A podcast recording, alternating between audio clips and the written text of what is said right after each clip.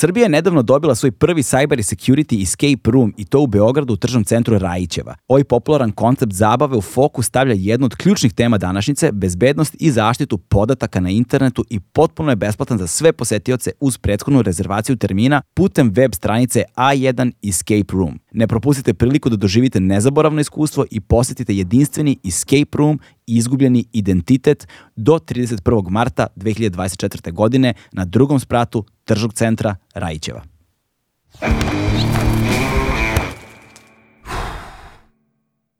Hmm.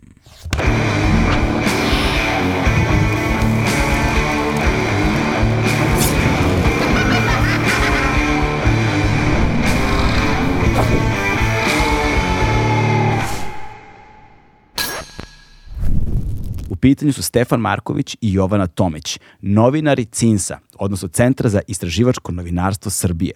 Zašto sam njih pozvao u goste? Jeste zato što su oni prvi, među mnogima koji su to pokušali, najzad izbacili narativni podcast. Od samog početka, kada smo počeli da radimo, sve vreme govorimo da bez narativnih podcasta nema pravog ekosistema i nema prave podcast zajednice. Oni su izbacili prvi ozbiljan narativni podcast na ovim prostorima i u pitanju je narativni podcast koji ima jednu ogromnu društvenu vrednost. Govore o temi kod izuzetnog javnog interesa o kojoj se nažalost ne govori toliko i ne govori na ovakav način.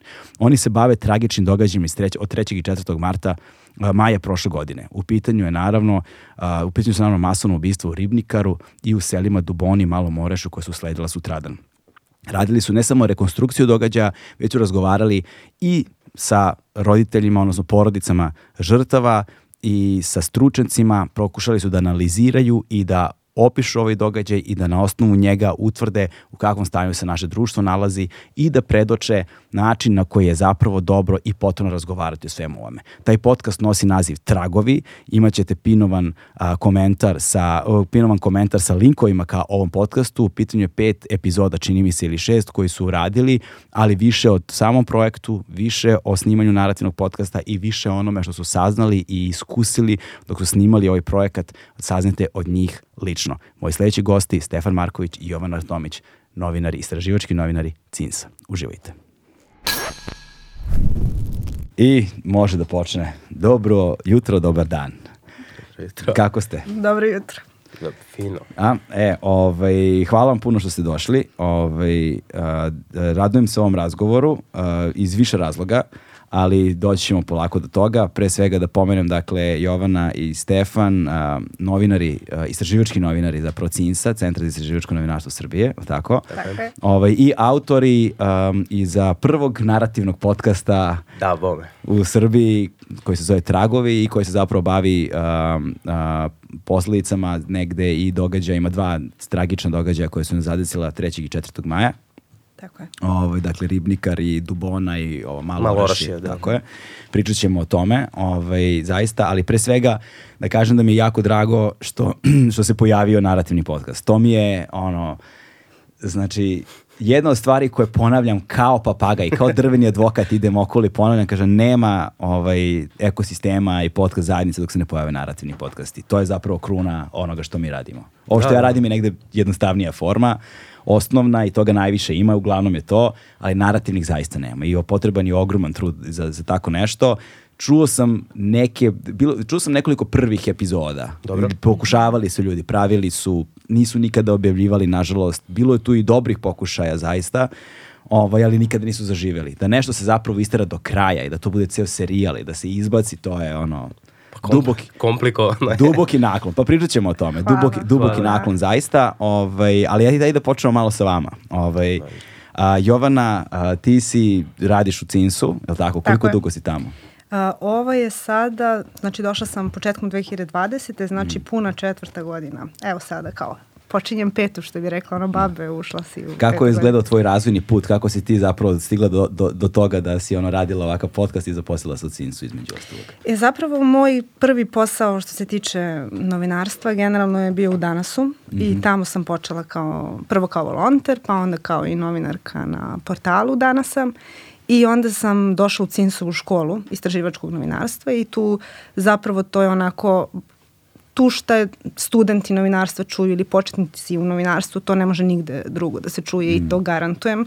To je zapravo bukvalno riznica novinarstva, e, istraživačkog i svih alatki koje da kažem, ti kao početnik možeš da naučiš, učiš baš tu. I ja sam zapravo tako došla u CINS i naravno pre toga sam čitala i sve i tako tu sam na neki način možda primećena od strane nekih mentora i tako je nekako krenula saradnja. Prvo je urađen neki projekat sa njima, ja sam nešto malo tu pripomagala i kasnije su me pozvali da dođem, da tu pređem ono, full da radim i ja sam bila sva presrećna. Čekaj, studirala si novinarstvo? Jeste, da. Ne. Mislim, prvo sam studirala mašinstvo ali, a, jednu godinu, ali sam ovaj, posle prešla na novinarstvo i to je... Dakle, našla si se na novinarstvo. A koja je razlika u suštini između onoga što dobijaš na, na fakultetu političkih nauka, to je na žurnalistici mm -hmm. tamo, i onoga što ti je zapravo CINS ponudi u okviru tog Uh, te to, škole. Te škole tog edukativnog rada tamo. Šta je to što si zapravo mm -hmm. dobila? Da, velika je razlika zapravo. Zaista onako suštinska u smislu što na fakultetu ti dobijaš neku teoriju, ti učiš od ljudi koji su u novinarstvu u suštini došli su, jel, oni su doktori uh, političkih nauka, smera novinarstva, ti profesori tamo i oni zaista znaju teoriju i znaju da ti objašnjavaju i o etici i o pravilima, principima i da kažem suštinski o onome kao šta je novinarstvo, ali zapravo ne znaju mislim, ako mogu da kažem tako, ne uče nas za NATO. Mm. A ti kada dođeš u CINS uh, i u njihovu školu, oni tebi kažu ako hoćeš do te, do te informacije da dođeš, evo ti koji su alati, kako, kako da priđeš nekom sagovorniku, kako da ga otvoriš. Mm. Tamo profesori na fakultetima i asistenti na našem uh, Fakultetu političkih nauka ovde u Beogradu gde sam ja studirala, ne predaju to na taj način. Oni se suštinski bave teorijom, tebe da upoznaju i praktično ti usade neku osnovnu. A sad kako ćeš se ti razvijati, gde, će, gde ćeš ići, ja mislim da je neformalno obrazovanje u novinarstvu jako bitno mm.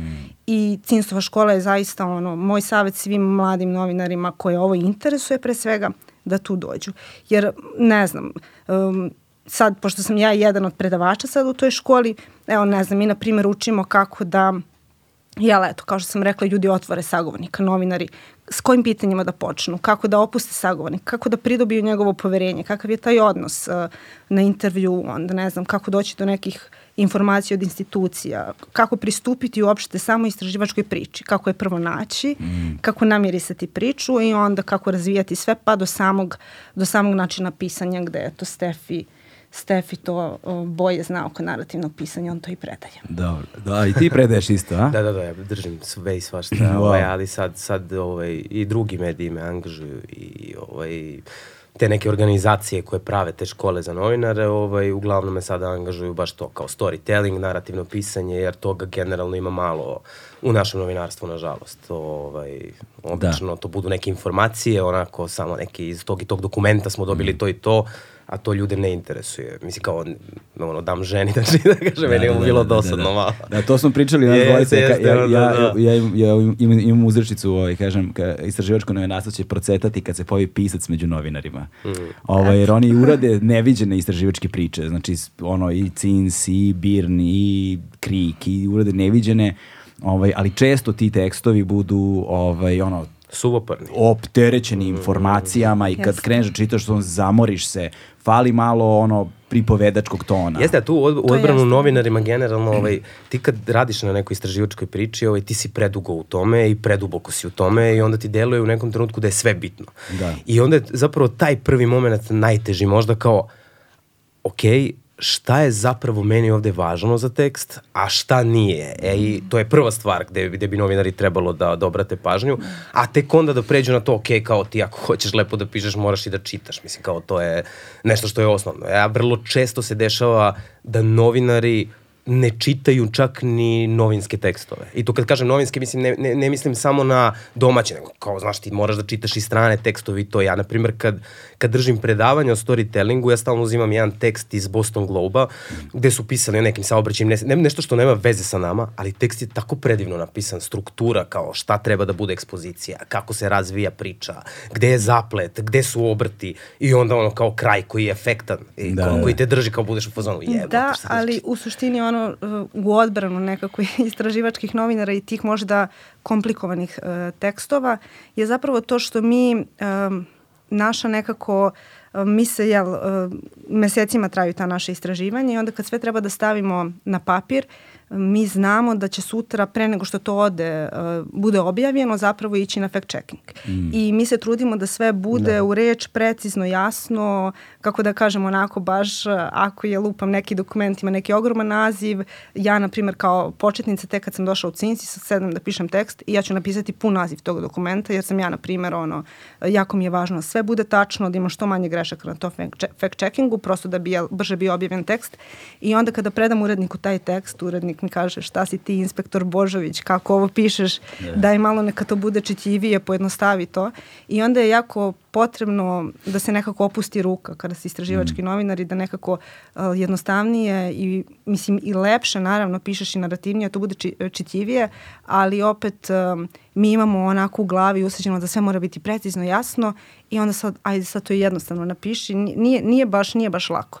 Tako da, da treba to na tome što, da se radi. Što Jovana kaže kao za fact checking, ja se sjećam prvi tekst koji sam pisao koji je trebalo da prođe fact checking, to je prvi moj tekst. Trebalo, znači nije prošao. ne, ba, bilo je. Da, da, bila frka. Bila frka i kao bilo je nešto u vezi sa sad već pokojnim Milutinom Mrkonjićem. I ovaj, ja pišem tekst i stavljam kao visoki funkcioner SPS-a Milutin Mrkonjić. I kaže mi fact checkerka kao, ali dokaži da je on visoki funkcioner SPS-a. Ja sad kao, jebi ga, kako ću da dokažem to? I onda, na, znaš, kao tražiš dokaz za svaku sitnicu. E sad, što se tiče narativnog, tu je potpuno druga priča. Tu je sad komplikovanije u tom smislu što ti da, imaš slobodu potpuno da ti pišeš, da opisuješ i tako dalje, ali to negde treba da dokažeš. I mi smo sad imali problem uh, mislim kao uslovno rečeno problem, bila je tu začkoljica, jedna glavolomka, a, kada sam pisao neki tekst o čoveku koji osuđe nešto nepravedno i sad meni taj tekst kreće sa, sa opisom a, njegovog okopavanja paradajza u bašti, jer mi on priča o tome da je to radio kad mu je došao poštar da mu doneze prekršajne prijeve i ja sam napisao kako on bio u plasteniku, kako je radio to, izlazi iz, iz plastenika i briše znoj sa čela. Mm. I sad meni fact checker traži, ali dokaži da je tad brisao znoj sa čela. Da, da, da, da. Kako ću to da dokažem? Iz ovega kao, kao vruće u plasteniku. Da, brisao sam stoji sa čela, znaš, kao da, to da, su... Da. Dobro, to je sad malo preterivanje, zato što možda nije nužno za nije. informacije tako u je, tekstu. Tako je, znaš, to, to ne, ne, menja, ne menja suštinu teksta, ne menja činjenice. Da, da, da, da. U suštini ta poenta tog fact checkinga je zapravo da ništa što je da kažem, što, što nije tačno, ne bude objavljeno, ali naravno gleda se to gleda se da ništa ne bude netačno u tekstu, ali Jasne, je jako da. važno da ne pogrešimo kontekst u koji stavimo informaciju i samu informaciju i sve, ne znam, krucijalne stvari. Sad, mislim, naravno, fact checkeri ima neko ovaj ko, ko to radi, proverava te osoba koja ti proverava uh, tekst ne bi smela da uopšte zna o čemu ti istražuješ dok to, dok to traje. Znači ne bi trebala da bude upućena, -hmm. nego dobija sirov tekst sa svim dokazima, mislim čist tekst nakon editinga i onda zapravo ona treba da jel, proveri svaku reč u tom tekstu. I sad ima neko ko će, na primjer, kao eto Stefanu, da traži da li je neko brisa znoj sa čela, a neko će reći a kako ti to znaš i onda ti objasniš kako ti to znaš i onda kaže okej, okay, to, na primjer, nije utuživo ili nije, ne, nije nekog da. značaja. To i, i verujem ti u smislu, da, da. znam uh, kako radiš Progledat ću ti kroz prste. Da, da, da, da, Kao da. kepča. Ja nekad mislim da mi progleda kroz prste, majke mi. da. ovaj, ali vidiš, zanimljivo je to, uh, uh, fact checkeri, odnosno fact checking uh, agencije, Uh, sad ja ne znam da li vi radite sa nekom konkretno uh, ne, kućom ne, fact checkerskom ili imamo, imate u okviru CINSA? Uh, imamo, imamo i u okviru CINSA i angažujemo eksterno mm -hmm. fact checkera da, iz, da. iz drugih Jer nekad jedna osoba prosto ne može da postigne uh, da, da se ima proveri. Da, posebno kada su ono neki obimni slučajevi da, da. koji zahtevaju ono ili kad dođu dva tri teksta ovaj na red Tako, da, a, a i prosto i sami fact checkeri su u isto vreme i novinari često da, da, i da. onda i nekad i oni prosto ne mogu da se bave da, da. jako je to odgovoran posao da i zapravo što više razmišljaš o fact checkingu shvataš sve više koliko je kompleksno i odgovorno i da to nije ni malo jednostavna stvar ne, da se izvede. Ja sam par puta fact checkovala kolegama tekstove i uopšte nije, nije Kako lako. izgleda ta procedura fact checkovanja? Šta radiš zapravo ono, za informacije za koje nisi sigurna? Tražiš dokaze? Tražiš dokaze, ovaj, na primjer, naravno kolege i, i mi sami kada uradimo tekst kačimo ovaj, sami sve dokaze i onda osoba ima... Prateću dokumentaciju. Tako da. je, bukvalno sve. Prateću dokumentaciju. Snimke razgovora. Snimke razgovora sa sagovornikom sagovornicima, intervjua, znači bukvalno sve što, što, što mislimo da je dokaz mi tu kačimo i ovaj, desi se onda da neki dokaz nije dovoljan ili da smo mi nešto pogrešno prosto razumeli iz nekog dokumenta i to, i to je super zapravo. Ja sam, na primjer, imala prvo traume od tog fact checkinga. Znači to kao kad sam čula ide ti tekst na fact checking, ja rekao ja kako sad to ide, šta, će šta sad kako. da se desi? Ona, A onda zapravo čak i ako, ne, ako ti neko nađe neku važnu grešku, mislim, ti si u fazonu, ja bože, hvala Bogu, pa ovo nije objavljeno. Mislim, koliko god ti si se trudio i sve to, ali jednostavno nekad promakne neka stvar. Meni, na primjer, nikad nije pao tekst na fact checking. Dešavalo se kolegama i to i to je, mislim, jako stresno. Ti si na nečemu proveo nekoliko meseci, a onda si shvatio da si, ne znam, verovatno zbog te želje i zbog toliko grada i truda nešto prosto nisi primetio na vreme, mm. nego je to primetila ta osoba koja je do tad, to su prosto sveže oči, eh, koje prvi put vide tekst eh, i onda totalno drugačije razmišljaju. To su isto često istraživački novinari ili su bar bili i onda oni znaju u, gde, šta je jako važno, u kom smeru nešto može da ide, mm. uh, ne znam, što, ako je nešto utuživo, skrenu pažnju, ovo je utuživo. I često nekad se završi ono, taj fact checking sa nekim dilemama i onda fact checker kaže ovo je uređi, urednička odluka. Da li ćete da. vići sa ovim ili ne. Mm. Ja vam možda savetujem da malo preformulišete nešto i slično i onda to, to bude odluka na nivou... Da. Ja to, ja to volim da kažem ovaj, kad radim na narativnim pričama, ovaj, sad nije ne radim, ja radim podcast, ali kao, dok sam radio, i ja, ja uvek kad fact checker ima neku dilemu, kažem e, stavi urednički komentar. Da, da se da. dogovorim sa urednikom, pušta onda. Aha, vidiš, nemoj to da pričaš ovde. ja, ja Markoviću, da, da. ne, ne, ne, kao, verite mi, sve proveravam. ne, ne, pa urednik proverio. da, ovaj, ali vidiš, to je, znaš, to sad iziskuje dalje, ovaj, kao kad naslediš da razmišljaš na tu temu, kada su osetljive priče, ovaj, priče koje su uglavnom od javnog interesa ovaj, veoma a, značajne, a, pitanje je sad osnovljanje dokumentacije, protokola oko, oko tih podataka, čuvanje tih podataka, sigurnost tih podataka, znaš, ovaj, anonimnost, tako ne znam, je. diskret, diskrecija i tako dalje, to je sad, sad to zahteva opet protokolarno nekakav sistem postavljen koji nije nimalo jednostavan, verovatno. Tako je, tako je. Ja se sećam I ko, jednom... Izvini, i koja su nadzorna tela koja kontrolišu rad, ono, i fact checkera i svega toga, znaš. A1 je prvi prijatelj audio izdanja Agelast podcasta. U suštini kao mi radimo sa, fact checkeri su nam ljudi koji zapravo kao baš imaju iskustvo u tome i, i verujemo im. Uh, koleginica Ivana kod nas u kancelariji u redakciji uh, radi, ona je fact checkerka slash novinarka i ona je u suštini kao pre ne znam, možda godinu dana ušla u to, ali čak zato što je početnica jako se više trudi, da kažem mm. onako, uh, ne znam, Stefan kad mu je proveravala neki tekst, Stefan i ona su onako ušli baš u svađu i Stefan je rekao neću ni da potpišem taj tekst. da, ne znam, imamo zonu, ako to izbacujemo, ne, nije kao, moj tekst. mislim, imamo drugarski odnos i sad, da. ona ne može prosto da ona smatra da to ne može tako da se napiše i onda yes. je to bukvalno bio clash i mi kao, ok, nemoj da se svađate, sve će se reši, ali da, on je malo tu, to je baš bio taj narativni neki mm. tekst, ali kod čuvanja te dokumentacije slično, da, jako je važno da se čuvaju, na primjer, lični podaci, koji da. često do nas ni ne dođu, na primjer, jer ako dobijemo od institucija, sve nam se to ovaj, sakrije, ali prosto nekad mi dobijemo i drugim putevima tu dokumentaciju, mm. jako moramo da brinemo o njoj, da je čuvamo, ne može svako to da vidi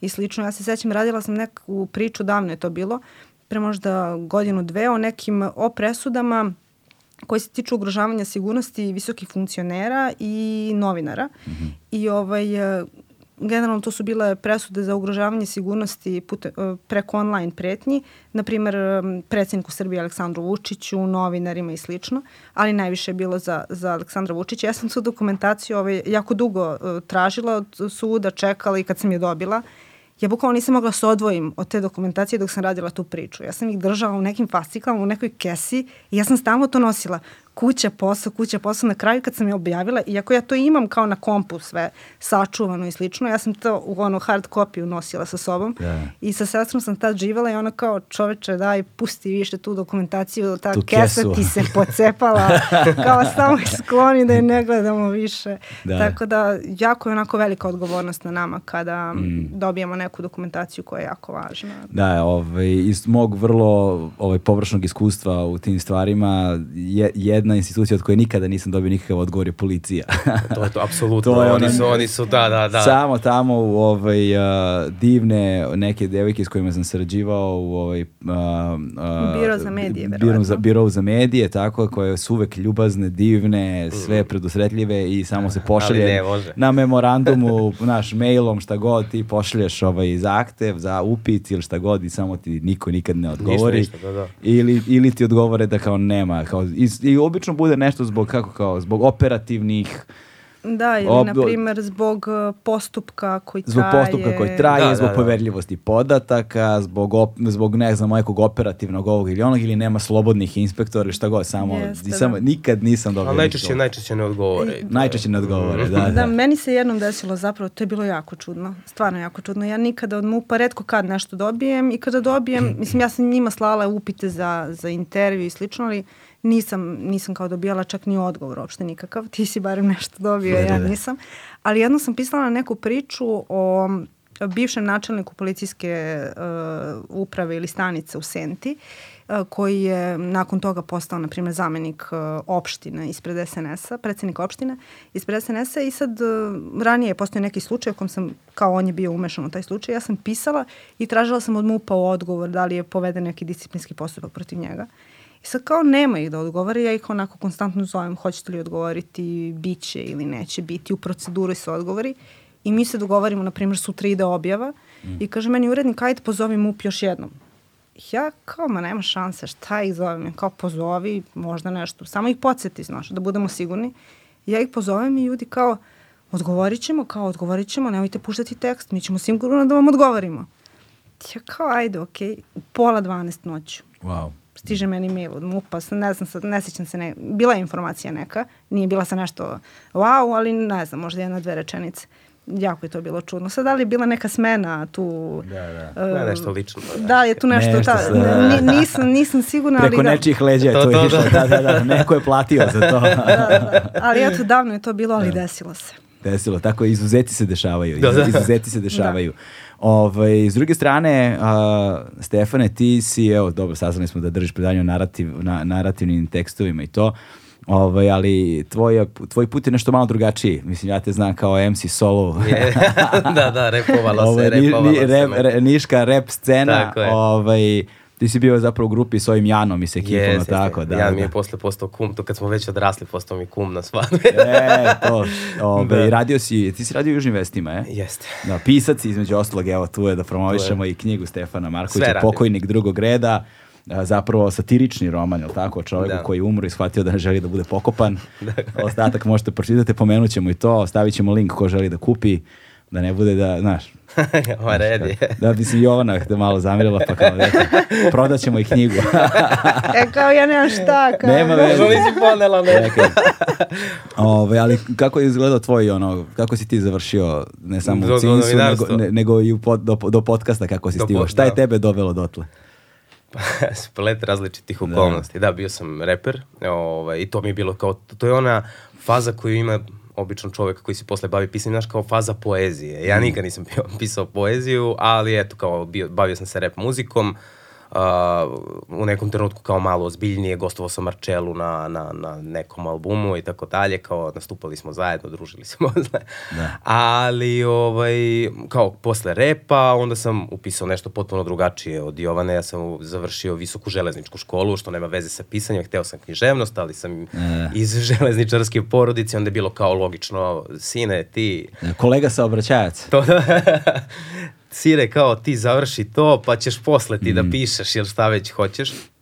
Ovaj, I onda sam radio sve i svašta. Objavljivo sam prozu u nekim književnim časopisima, u listu politika, u nedeljniku i tako dalje. Kao to su mi bili neki prvi honorari koji su meni, meni bili veliki kukući ako su bili nešto smešni. E onda sam se oženio i trebalo je da se radi nešto ozbiljno. Stabilan posao, Apsolutno. dvoje dece. Sve, Da, sve. da. A onda sam počeo da pišem za Vice, kao to je isto bilo honorarno, ali kao piš, pisao sam češće. I onda je bio konkurs u Južnim vestima, to je niški medij, ovaj, lokalni, gde sam se javio i kao prošao sam, ne znam, 150 bilo prijavljenih i ja sam ušao kao ta tri mm. koje, koji su dobili posao i eto, nisam nikad ni planirao da se bavim istraživačkim novinarstvom, meni je to bilo kao pisanje, novinarstvo mi je najbliže pisanju, jer pišeš. Da, da. Ovaj, I onda sam se baš bio naložio na te baze i to kad sam otkrio kao aha, mogu APR, mogu katastar, mogu ovo, mogu ono. I to mi je bilo super i onda sam prosto, eto, kao posle četiri meseca kao bavljenja novinarstvom na taj način, ja sam već bio nominovan za Nunsovu nagradu za istraživačko novinarstvo, bio sam u, kao u najužem izboru, nisam je dobio, nikad je nisam dobio, ja sam, ja sam uvek onaj koji ne dobio, uvek me sprdali kao... Ne. Četvrto mesto. Ne, treće, treće, treće, treće. da, treće. A treće dobije medalju, znaš, da, četvrto... Da, da, već ništa. Da, da, četvrto ništa, da. Da, i, ovaj, i tako, onda su me pozvali iz Cinsa, prešao sam u, u Cins. Da, zapravo u isto vreme. U isto vreme smo Jovana i ja došli. Znači tu ste da, negde, četiri godine. Četiri godine, da, da, u januaru 2020. I, pred COVID. Pred... Apsolutno, dolazimo pa, ovde. Pa, kao pred najgore vreme. Bukvalno, bukvalno, bukvalno selim se i kao jebi ga, da, da, kao da, da, COVID je, onda sam bio bukvalno relacija Niš, Beograd, jer kao nije bilo potrebe, nismo radili da. iz redakcije. To je, to je definitivno bilo najgore vreme. Najgori period, za, mnogo smo radili. Za novinare, stvarno smo, pogotovo, mislim, ne znam za druge redakcije, prepostavljam da je za njih bilo jako ono strašno i izazovno, ali mi, mi smo se bukvalno preko noći transformisali iz, ne, iz nekog portala koji ne objavljuje e, dnevno vesti. Mm -hmm. Mi smo dnevno imali non stop. Dnevno smo objavljivali vesti, nama se toliko ljudi javljalo sa ono problemima koji su jako važni, da smo mi pisali bukvalno i lokalne priče i uh, ono da kažem Stef je pisao i medicinskim radnicima ja sam pisala o da, da deci sa autizmom kako znači bukvalno su nam se javljali ljudi sa najrazličitijim da. da sve u vezi sa covidom i mi smo toliko radili da mi ono ustanemo ujutru radili smo od kuće ustanemo ujutru upalimo komp u 9 na primer do 11. Ja se sećam, meni jedan sagovornik zaspao. Znači, zaspao je u pola 12.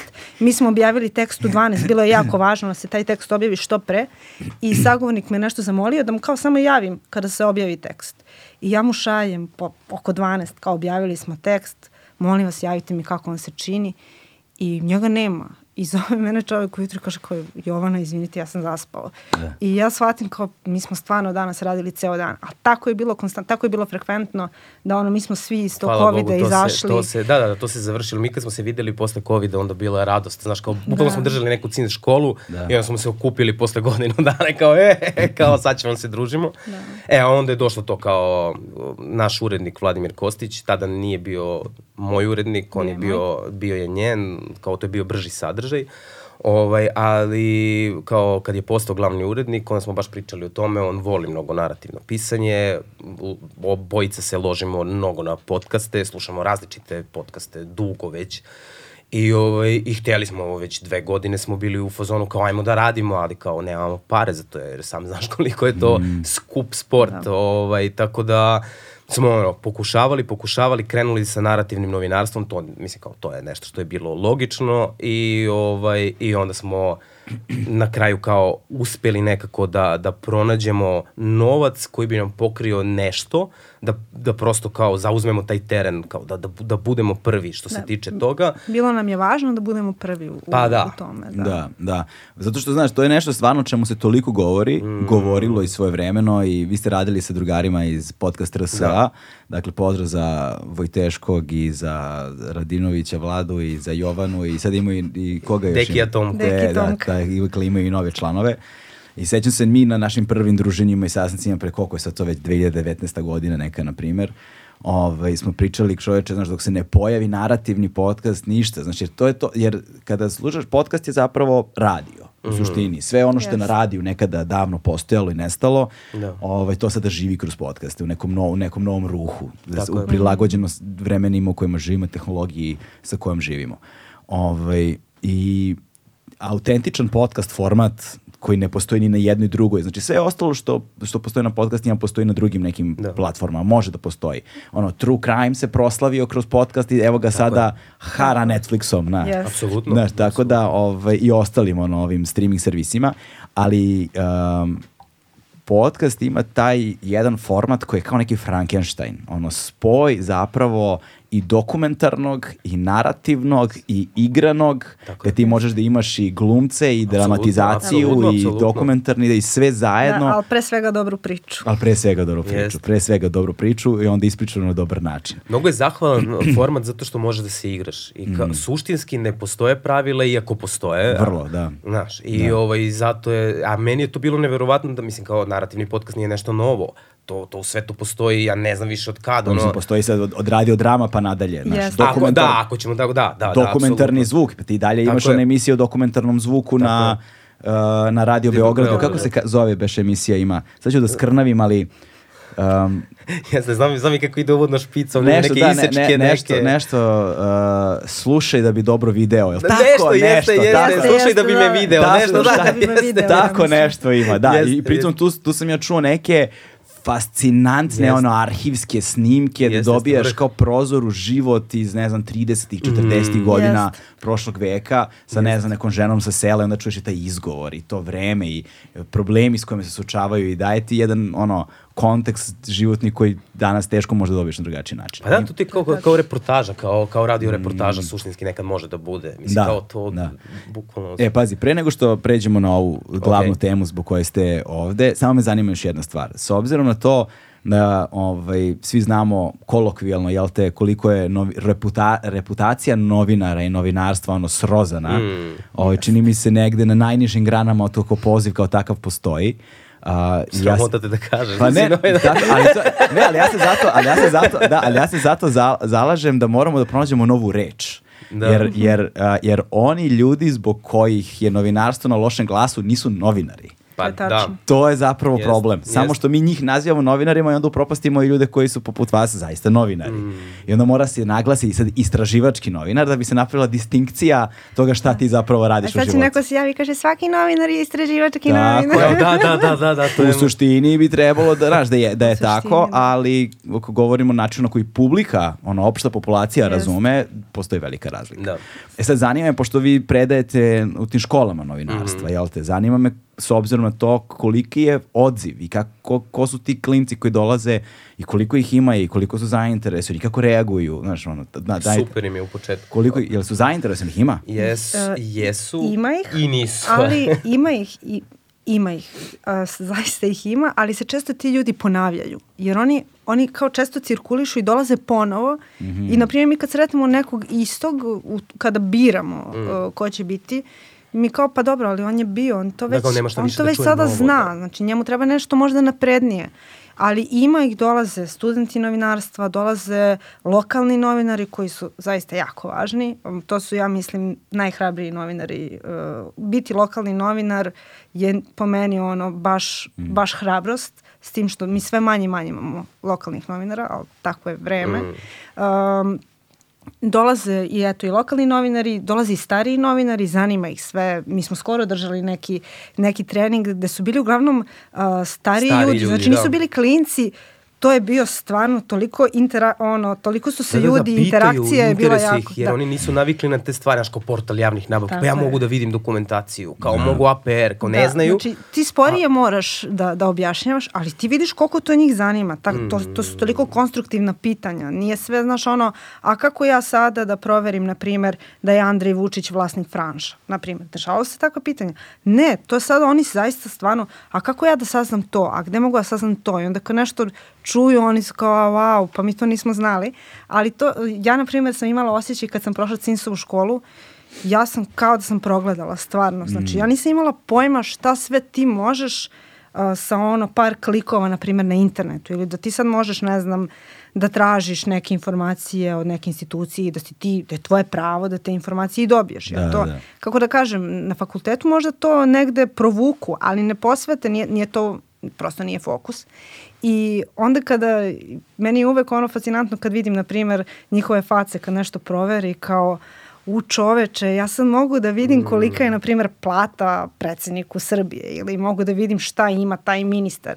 I onda tako, mislim, to su sve neke cake, ali jako je lepo osjećaj kad vidiš da se neko loži na novinarstvo. Da, da. I da. to je, sad tu postoji jedan problem što, naročito kad su lokalni mediji u pitanju koji su mali, koji su devastirani i tako dalje, nemaju ni resurse ni ništa i ovaj dođe dođe u situaciju da kao dođu na tu neku školu, na neko predavanje i njima se to mnogo dopadne. Da. I ti vidiš potencijal kod tih ljudi, ali oni nemaju mogućnosti kasnije da se bave time. I ovaj a ti ako možeš a ti ako ispadneš iz, iz igre, da kažem, kao, i ako se ne baviš time konstantno, ti zaboraviš. Moraš da, da vežbaš. Da, Evo, da, ja, da. ja već godinu dana, godinu i nešto dana već ne radim na istraživačkim tekstovima kao takvim. Ovaj, ne kopam nešto mnogo dokumentaciju i to. Bavim se istraživačkim podcastom sada, ali to je malo drugačije. Ovaj, ne, nemam potrebe toliko da visim na bazama, recimo. Mm -hmm. I ja već zaboravljam neke stvari, da ne držim ta predavanja gde ja samog sebe podsjećam kako, kako funkcionišu neke stvari, verovatno bih ono već kroz godinu dana bio u fazonu kao ja ovo više ne znam da radim. A jeste provali kada predajete da onda i sami počnete bolje da učite ono što već znate? Pa, je, Pa da. pa dobro jeste, da, naravno. da. Jeste, Na neki da. način ga savla, savladavaš Pa na da, novi pa način, da, masteruješ ga. Pa da. E, igraš se. Ja volim, na primjer, sa polaznicima da se igram, ako sad treba da se pređe sve u vezi s istraživačkim novinarstvom, sve baze, lupam sada APR i portal javnih nabavki i ne znam, za šta, agencija za sprečavanje korupcije i tako dalje. Ja volim da im napravim zadatke koji obuhvataju sve, Sve. te stvari, Da. A da to bude opet priča. Da, Da, kao, da, da. njima bude zanimljivo, kao, aha, a taj je brat tog, ja sam našao vezu, pa kao na APR-u nađem, vidi, on ima firmu, ta firma je dobijala preko javnih nabavki poslovi i tako dalje, njima to bude zanimljivo, jer onda na taj način i vide kako se zapravo radi na jednoj pravo istraživačkoj priči. A i važno je da bude zanimljivo. Pa jeste, Važno je kako da ne. bude zanimljivo. Suvoparnost kako da možete ne. sa- sahrani. U- ubijete, Kako da ne, ubijete. da. Ja, na primjer, na početku, kao kada sam, kad su mi prvi put rekli kao, e, ajde sad, sećam se, mislim da sam menjala neku koleginicu i kao, ajde ti sad da uskočiš, da probaš da održiš neko predavanje. I sad ja sam generalno ranije bila veliki tremaroš ja kao, ja, bože, kako, ja sam praktično pre tri godine išla na tu školu, ja, ja to ne znam. I onda sam uhvatila sebe kao tuc muc, kao sad već je dosadno onako to predavanje koje sam ja držala. Gledam, na primjer, Stefan tamo, oni se svi smeju, to je ludilo, svi kucaju, svi... On ih animira na neki način, ali kao sad kroz vežbu, iskustvo ti vidiš kao, kako šta prolazi kod ljudi, sad kao sam i ja mislim, sam za sebe ovaj, skromno da sam boja u tome. A, Kada držim predavanja, jako je važno da to budu zanimljivi primeri i da bude neko ko, znaš, uh, koji možda, ajde, nećemo, na primjer, uzeti neke visoke funkcionere, ali, na primjer, ajde da vidimo šta sad taj funkcioner ima, da vidimo ako neko, neko ima neku firmu. Uvek nađemo neki zanimljiv, zanimljiv primer. Na primjer, uh, bio je jedan uh, uh, funkcioner, uh, čini mi se da je on, uh, sad, sad ću lupiti da li je bio na čelu koridora, koji je preneo svoje firme, uh, preneo je upravljačka prava na decu od 4 i 3 godine, na primjer. I sad ti kad to kažeš, znaš, ljudima, ajde sad to da proverimo, ja im dam zadatak, ajde, pogledajte, pronađite to. I onda oni kao, pa to je dete, ne znam, ne znam, 3-4 godine. I ja kažem, pa dobro, ajde da vidimo, je to u, u nekim rodbinskim odnosima i slično njima to bude wow, kao, znaš, ono, Da. mi smo otkrili zapravo informaciju, naravno, o tome je pisano i slično još pre, mislim da je pištaljka pisala, ali hoću da kažem, jako su važni ti zanimljivi primjeri gde oni zapravo mogu da, da shvate da kroz te neke uh, alatke koje su im dostupne, samo ako su radoznali i znaju gde da nađu informaciju, zapravo mogu da otkriju priču. Da. A to što kažeš kao za suvoparnost, znaš kao to, to kad sam učio kako zapravo treba da se predaje, a, negde na početku još sam bio u Južnim vestima i tad sam držao neke treninge.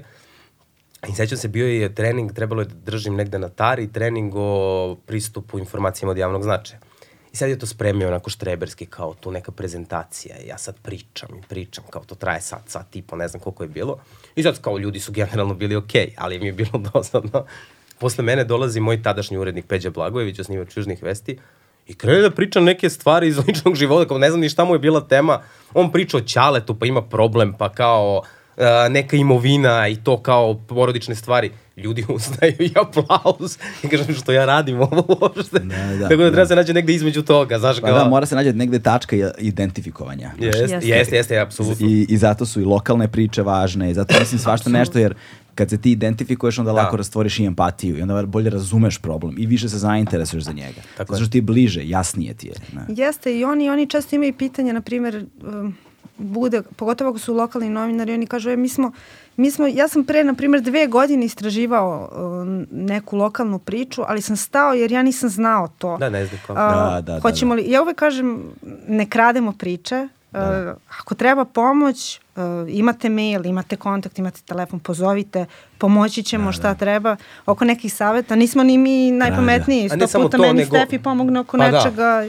Tam, ne samo to, nego kolegijalnost da, mora da postoji. Da im je dosta značajno to što zaista uvek damo ovaj, kontakte i zaista kao ono, javljaju nam se i stvarno im pomažemo kad treba. Mislim, da. koliko i mi imamo vremena, ne možemo ni mi. Ali da... pomažu i oni nama. Mislim, da, ja da, kažem, da, da, da, kad su neke lokalne stvari. To je kao, stvarno da, jako da, da, važno. Znači da mreža. Ja stalno zovem, zovem uh, lokalne novinare, molim za neke brojeve telefona, ajde raspitajte se za tu i tu osobu. Dešavalo se da zovem novinare koje nikad nisam upoznala, za koje sam dobila preporuku od kolega koji znaju. Mm. Zdravo, ja sam Jovana iz Cinsa, meni treba pomoć, molim vas, da li, da li možete mi pomognete? I to je stvarno super zato što niko nije onako, niko ne zna da. sve, moramo se pomoći. Deli vas neka zajednička stvar, yes. znaš, koja, mm. koja je viši interes. Znaš, I onda postoji... Hleb sa sedam kora. o, ali a, koliko često imate te škole? Te o, o, obuke, edukacije? Često, evo ja sledeće nedelje imam dva dana za redom na dva različita mesta. Znaš zašto pitam? Zato što ali Cinsova škola jednom godišnje. Jednom godišnje, eventualno, više, bude više treninga, ali ta Cins, Cins škola bude jednom godišnje. Jel ima neki link na koji ljudi mogu se prijave? A, um, da, kada bude škola. Sad nemamo raspisano za, da. za školu, ovaj, kao objavit ćemo to Ali napred. Da. I Ništa, ostavit ćemo, ostavit ćemo u nekom pinovanom komentaru neki kontakt, o, neki, neki kontakt da Cinsa ovaj, na koji mogu, ako, ljudi koji slušaju možda ako nekoga interesuje da, da se javi. Ne, ne, to je super, zato što traje više dana, ta Cinsova škola je baš ozbiljna stvar, traje nekoliko dana, prolaze se sve tehnike novinarstva, mm. ne samo istraživačko novinarstvo, nego i generalno, kao to što je Jovana rekla, kao kako se radi intervju, kako otvoriš sagovornika, pa do tog pisanja okay. ovaj, samog da, teksta.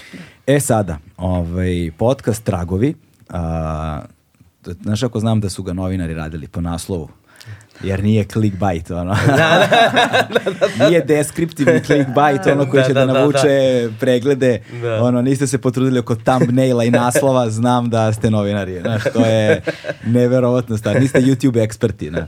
Ove, ovaj, šalu na stranu. Um, dakle, um, dve, dva najtragičnija događaja u, u skoroj, možda i široj ono, prošlosti a, naše zemlje i regionu uopšte koje su se, koje su se desila, dakle 3. maj, jel te, a, osnovna škola Vlajsa Ribnikar i potom a, nešto što bi se mogli nazovemo verovatno verterovim efektom a, u Duboni i Malom Morašiju. A, a, u kom trenutku, na koji način zapravo rešavate i počinjete da se bavite ovime kao narativnim podcastom i otkud to da baš podcast i da uđemo malo kako vam je to iskustvo bilo, pošto meni dok sam slušao Znaš, on, ovo je bilo prvi put u životu da sam slušao nešto ovako. Slušao sam strane. Mm. I onda valjda nemam tu vrstu konekcije. Mm. Ne. Ovaj, a ovde sam morao da pravim pauze. Ne, ono, evo sad kad se setim bude mi, bude mi teško. Zato što um, ta vrsta ono intimnosti i ta vrsta identifikacije i projektovanja koje se dešava, znači i, i zaista, zaista toliko duboko te ono razorite, znači razorite načisto posebno razgovori s tim roditeljima, znači to je nešto što ne mogu uopšte da, da i dalje ne mogu da procesuiram, ne. Tako da zanima, da, zanima me kako je izgledalo zapravo to iskustvo, jedno, ka, kako ste rešili da uđete i otkud baš podcast? Znaš kako, i... mi, smo, mi smo već krenuli da radimo nešto ovaj, drugo što je trebalo da bude. Sada se vraćamo na, na, na tu temu, pa nećemo mnogo da pričamo o tome, ali pošto radimo trenutno na, na drugoj sezoni Tragova, Aha.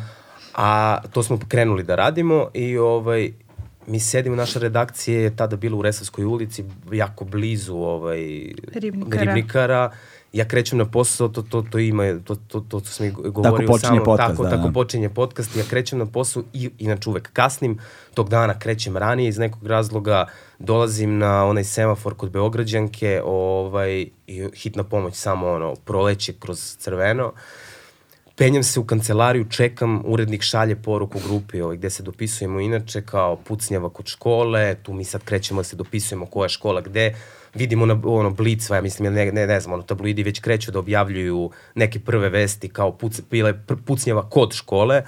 Mi sad se okupljamo u redakciji, već sve staje, mislim, kao ne bavi se niko ničim, mm. samo to pratimo vesti. Mi vrlo brzo saznajemo da ima osam ubijene dece. Ovaj, tad još nisu ni objavili mediji, mi saznajemo to, mi smo u fazonu kao, jevo te šta sad? I onda prolazi jedan dan, on, de, dešava se malo oraš i dubona, mi i dalje ne razmišljamo da radimo ništa o tome. Ja ono, dolazim na posao cele te nedelje, možda sledeće, ja ne mogu da funkcionišem, ja samo o tome pričam. Ja, mm. ja, ja ne mogu da procesuiram to. Ja sam išao nešto sa drugarima, smo se videli, sedimo u kafani dva, tri dana nakon ribnikara, i sad ostali, ne znam, 11, pola 12, vraćam se kući, žena me pita ka, kao, kako, kako bilo, kao šta pričaju. Ja krećem, bukvalno kao to samo kreće iz mene, krećem da plačem i kažem, jebote, ubili su decu. Ja kao još procesuiram u tom trenutku da, da su neka deca ubijena u školi. Pritom ja imam sina koji ide u školu i meni sad, ne u ribnikar, ali, ali da. kao ide u školu i kao meni to sad poslednje mesto gde može tako nešto da se desi. Naš obrazovni sistem nije dobar, ali opet ne očekuješ da neko dete da, uzme im, pištolj i da pobije da, ima taj, decu. Ima, ima taj trenutak kada pričaju uh, roditelji o, o, o svom detetu uh, kao kad, kad dolaze u školu, kao, znaš, kao javi se kad dođeš, znaš, kao i zapravo tako gasiš je, telefon kada stigneš u školu. Mesto. To je sigurno tako je, mesto. Tako je, da. i to su nam zapravo svi pričali roditelje. Sad, znaš, kao, mi, mi smo tu sedeli, sad moja koleginica, ovaj, naša koleginica Dina, kaže kao, Stefi, ti non stop pričaš o tome, uzmi, ne znam, zovi Lalića iz nedeljnika i napiši nešto. Kao, ja kažem, ali ja nemam šta da kažem, ja sam do, ono, Wittgenstein što bi rekao stanje na izrecivosti. Ja više ne, nemam, nemam šta da kažem, ja samo to što pričam, ja sam sa sobom pokušavam da shvatim šta se desilo, ali nemam, nemam šta pametno da kažem na tu temu.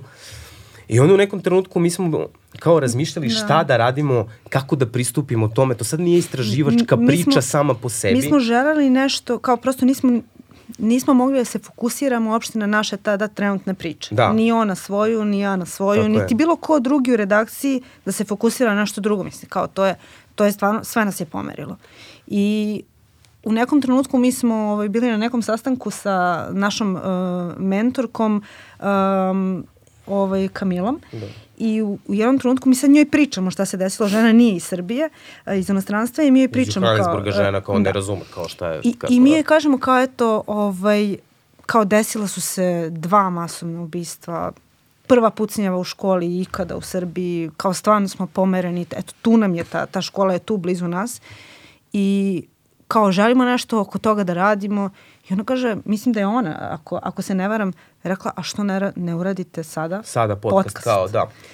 I onda I mi krećemo kao u tu priču muk. da, da, kao da li kako, kako da pristupimo, kako da, da dođemo do roditelja. Onda da. kreću tu konsultacije sa psiholozima i sa njom, kao kako se radi intervju u takvoj situaciji, zaista ne znam. Da, postoji još jedan problem u svemu tome, ovaj, ono što je meni lično fascinantno bilo dok, dok sam slušao onako sa profesionalne strane, mm -hmm.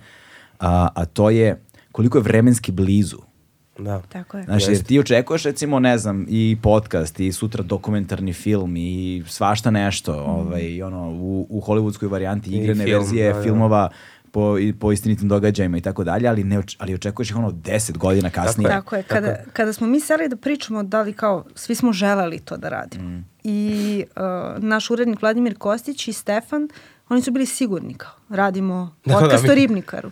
I ja sam, ja sam stvarno, ja nisam bila sigurna. Ja sam rekla, čekajte ljudi, ajde da budemo realni. To se tako blizu desilo. To je, mislim, kao, to se praktično desilo Juče, tog, da. bukvalno. I ja sam razmišljala, mi, mi nećemo imati sagovornike. Znači, ajde da ne ulazimo u nešto. Kao, stvarno sam se, bio me je strah. Jer kao nisam mogla da vidim um, u tom trenutku tako blizu ikakav motiv uh, ljudi koji su izgubili decu na najgori mogući način, da, pričaju. da oni s nama sednu da, i da, da nam, ona, da, kako da kažem, da, da sednu i da se otvore. I da pričaju o tom. I da. prosto, znaš, kao sad ti treba tim ljudima kao da postaviš neko pitanje. Ti treba da njih možda možda da ih ono i povrediš nekim svojim pitanjem. Nesvesno ti ne želiš to, ali ti ćeš njih možda nešto pitati, možda će to njih da povredi, razumeš, podsjetići ih na neke detalje iz njihove prošlosti. I stvarno sam imala onako baš kao he he Joka he. je baš bila skeptična ajde u vezi malo, sa tim. znaš, kao ajde, ajde da sačekamo malo. Međutim... Naj, uh, najgore od svega je što smo mi suštinski krenuli da zovemo te ljude već u maju. Tako kao nije prošlo ni mesec dana od, mm. od, od ubistva. Ja sam pokušavao na sve moguće načine da dođem do, do, do tih ljudi. I ovaj, slao sam poruke na Facebook gde sam mogao da, da pronađem imena neka. Ovaj, slao poruke, da. zvali smo gde smo našli brojeve telefona, zvali, ne znam, njihove rođake i tako dalje. Kao bukvalno da dođemo do tih ljudi di... E sad, šta je mala digresija, šta je najveći bio problem tu? I kada dođemo do njih, kako ja da njima objasnim šta mi to radimo? Jer, I da pričamo mi o nismo- narativnom podcastu, kao Da, koji da. ljudi ne znaju, mislim, kao kako da ja njima objasnim narativni podcast je to i to. Tako da smo mišli na varijantu, radimo nešto što je kao audio dokumentarac. Ovaj, koji neće, što, što je ispostavilo se posle da je njima bilo jako bitno, koji neće govoriti o, o ubici, pošto tabloidi uglavnom pišu o tome, o, ovaj, ve, Da. u, u, u većini slučajeva to su izmišljotine, šta on jede, kako se šiša i tako dalje, a to povređuje roditelje, jer su žrtve negde stavljene u Skrajnute, drugi da. plan, da.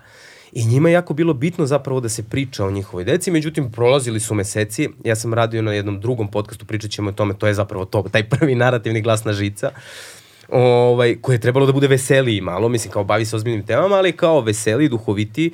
Kako troše vaše pare? Kako troše naše pare, ali kao na svežan način, Da, da, da, kao vidi, vidi, vidi kako ti troše Kako, pare. kako troši naše pare. da. da, da. Ovaj, I onda, zna- znaš, kao, bilo mi je jako teško kao, kako, kako ćemo sve to da iskombinujemo, da uklopimo njih, međutim, prolazi vreme, ja radim tu glasnu žicu u tom trenutku, moram da završavam sve epizode, niko, svi nas odbijaju.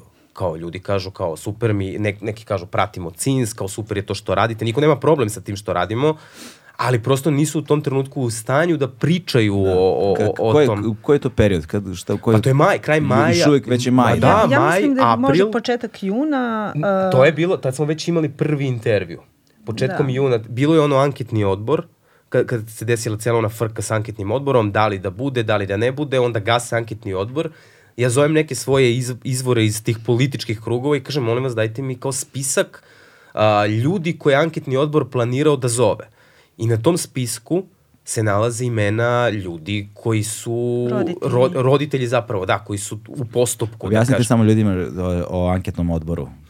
Pa anketni odbor trebalo je kao to je bila inicijativa opozicije u da Narodnoj skupštini. da da da se is, ispitaju kao Tako sve okolnosti kako je došlo da li je bilo sistemskih problema. Tako, da se a, zapravo oformi kao odbor u samoj skupštini, to je anketni odbor, koji će se baviti prosto tim masovnim, masovnom pucnjavom, da li je bilo ranije problema, da li je prosto nešto moglo da ukaže na to da, i da, da, slično. sistemski problemi, kao I- da li su mogli da predvide to pa da se spreči ili nisu, da. li je društvo dovelo do toga jer oni su planirali da zovu, ne znam, i urednika Informera, ure, je, urednika da. Happy-a i tako Oni dalje. su imali neki, neki svoj, eh, neku svoju ideju kako da se to istraži na, na tom nivou, ali ovaj, to, je, to se jako tada vrtelo, to je baš bilo u fokusu Da. javnosti, Da. da. neko je bio protiv, neko za tog anketnog odbora, Na ali kraju mi su smo... advokati koji zastupaju te porodice rekli, po, savetovali porodicama da se pobune protiv tog anketnog odbora, plašeći se da bi to moglo da, ugrozi istragu. Istragu, da.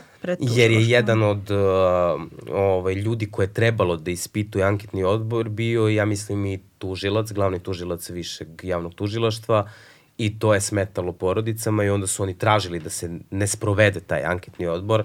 Naravno, nije bila ideja da se ne sprovede istraga, nego Da, baš da, suprotno. baš Mislim, suprotno, kao da. njih interesuje najviše kao šta je istina. Tako. Da, i u tom nekom periodu zapravo Stefan onako... Dobili ste spisak. Dobili, Dobili smo spisak, da. imena i ja krećem da tražim kao najspecifičnija imena koje mogu da nađem na netu kao mm. i tu nađem jedan mail, to je bio mail ovaj, tu sad kreće taj istraživački deo, to sam pričao i njoj uh, Radica Vlahović, rođena sestra uh, ubijenog čuvara škole Dragana, Dragana Vlahovića. Vlahovića. Ispostavilo se da ima neku firmu gde sam ja ono kao već preko toga APR kao tražim i ovaj nađem njen mail, pošaljem mail kao da li biste razgovarali sa mnom. Ona se javlja, kaže kao ja bih da popijemo kafu, žena ono kao pričamo, raspadnemo se oboje. I ovaj, njoj je bilo jako teško, nju nikad nije kontaktirao ni jedan medij, upao, upao im je jedan tabloid odmah nakon, u tre, 3. maja mi ušao u kuću, ne, ne, ne, ono, kao ušli novinari, onda nisu mogli ni da ih izbace jer kao nisu znali šta da rade, ona nije ni bila kod kuće, nego roditelji, ono, stari, stari ljudi kao krenuli da ih ispituju i da opisuju kako su oni u lošem stanju. Užas. Generalno su mediji dosta povredili te To, ljude. to, to je posebna priča, da, da, to- mediji, i- mediji i- su i uni, to je uništili bilo- ljude. To nam je isto to tako jako otežalo kako da priđemo tim ljudima, kako to poverenje da, da Tu se vraćamo njima. na temu one reputacije o kojoj smo govorili. Tako da. je. E, a sad šta je fora? Kao Radica pristane da razgovara sa mnom i samo u nekom trenutku kaže ja nemam snage da pričam. I mi sad nemamo više, nemamo ni jednog sagovornika. Ja sam došao do nekih ljudi čija deca idu u ribnikar, ali i snimio sam ih, ali ja i dalje nemam porodice ubijenih. I ja ne znam šta da radim, onda do- dođemo do jednog para, to su Uh, Ninela i Ivan, ovaj, roditelji male Ane, Ane Božović, ovaj, i oni, Ninela, pisao sam je na Facebooku, Ninela se odmah javila, rekla naravno, kao mi bismo došli, kako se to radi, sad i ona pita. I dobra je bila stvar što njen suprug Ivan, uh, prati podcast. I njemu nije bilo teško da se objasni jer kao razume šta je narativni podcast. Oni su došli, mi smo pričali, došli kod nas u redakciju, mi smo pričali sa njima, časkali ovako neke neformalne stvari, I onda, a Jovana i ja kao trema, bukvalno, kao mi imamo tremu, ne, ne, ne znamo šta da radimo sa tim ljudima. Sad znamo, već nam je teško, jer mm. treba da pričamo sa njima najtežu stvar na svetu, a ne možeš da se ne identifikuješ, da se ne staviš u njihovu poziciju, ani ne možeš suštinski da, da se staviš. Da, se da je to bio, čini mi se, petak i ovaj, Jest. bilo je posle, posle pet, znači posle našeg, Svi našeg su radnog, bili posle radnog vremena našeg pet. radnog vremena i ovaj, uglavnom mi ostajemo i nakon radnog vremena u kancelariji i ostale kolege, barem se pola sata nakon toga zadržimo, časkamo, zezamo se i slično. I bukvalno je bilo kad idete kući, nam uskoro dolaze sagovornici kao samo i zbog zvuka, kvaliteta yes. zvuka, a i zbog prosto i, i nama je trebalo da budemo malo samo sami, da se usresredimo prosto na taj razgovor koji ide, jer nemamo pojma šta nas očekuje, a očekuje nas definitivno nešto teško i nešto što do sad nikad, nikad takav intervju nismo vodili do, do tog trenutka. I oni sedaju, i mi smo već ono postavili opremu sve, sedaju i mi kažemo pa možemo da snimamo, kao pređite ovde i oni kažu ali mi nismo mislili sada, nismo se razumeli. I mi kao, pa okej, okay, kao možemo neki drugi dan. I oni, ba nema veze, ajde kad smo već došli, ajde da krenemo. I to je bio naš prvi intervju koji smo radili. Bilo je užasno teško, trajao je skoro tri sata. Ove, ovaj, mi smo ih pustili da pričaju, eventualno tako smo radili sa svim ostalim sagovornicima, ali smo ih usmeravali u smislu ako ode u neku digresiju, kao samo ih vratimo, kao malo, ali nik, nikakvih tu potpitanja nije bilo, niti bilo šta. I ono što je bilo najteže u, u svemu tome, kao da se mi ne, sad kao, tebe naravno nužno pogodi to što pričaju, Naročito, čak ni ne to kad, kada pričaju o samom ubitku, mislim kao nisu oni prisustvovali tome, kao to je teško gubitak deteta, ali ti neki detalji, neke sitnice, način na koji su ti ljudi živeli, kao kako to, to nije samo statistika, nešto iz novina i tako dalje, to kao imali su običan dan, uh, i onda ga više nemaju. Kao, pošalješ dete u školu i ono se više ne vrati. Da. Vidiš ga na sahrani. Mislim, kao, to je, to je pakao. Just. I mi smo tu, kao, ja znam svaki intervju, Jovana i ja, posle toga odemo na piće, kao, pričamo o tome, mm. I ja se vratim kući sutradan, ispričam ženi što mogu da ispričam, raspadnem se naravno i onda idemo ponovo kao zovi nove ljude. Da. Tako da je to baš, baš, bio, baš je bio pakao. Jeste, bilo je teško i mislim kao to, to su stvarno, sad je to baš onako iskustvo jedno veliko za nas dvoje. Jest. Ali u tim trenucima, ja se sećam prvi intervju, ja sam poprično emotivna osoba. Ja ono čim vidim drugome suze očima, ja sam u stanju da zaplačem. Ne, nemam pojma šta mu je. Jednom se desilo da je koleginica došla, bolelo je rame i počela je da, da plače. Plače i ona plače. I ja plačem. I, i ovaj, Empata, i, znači težak. Uh, strašno, ovaj, uh, ne volim to kod sebe. I sad u nekom trenutku Stefan i, i urednik meni objašnjavaju da ja ne smem da zaplačem. Znači kao, Jovana, moraš da prosto, znači, moraš da budeš profesionalna, ne smeš da zaplačeš jer će tim ljudima biti prosto još teže. Mislim, ne, naravno, oni treba da vide neku empatiju kod tebe. I, kao, ja ne mogu da verujem da se neko, na primjer, ne empatiše sa tak, Jasno, takvim da, ljudima. Da. Ali ovaj, ja sam tad bila, samo sam, samo sam govorila, bože, samo da ne zaplačem, samo da ne zaplačem, samo da ne zaplačem i sad neverovatno je to, ti se toliko usresrediš na to, toliko koncentraciju imaš, ti njih slušaš, ali oni ako kažu taj jedan detalj koji ti nisi ni pretpostavio da će da kažu ili to, to, to je možda da, da. neka najnebitnija stvar. Razbijete. Ne, ne, znači, to, to bukvalno te razbije. Boja glasa kada oni da. nešto izgovore. Ma da. da.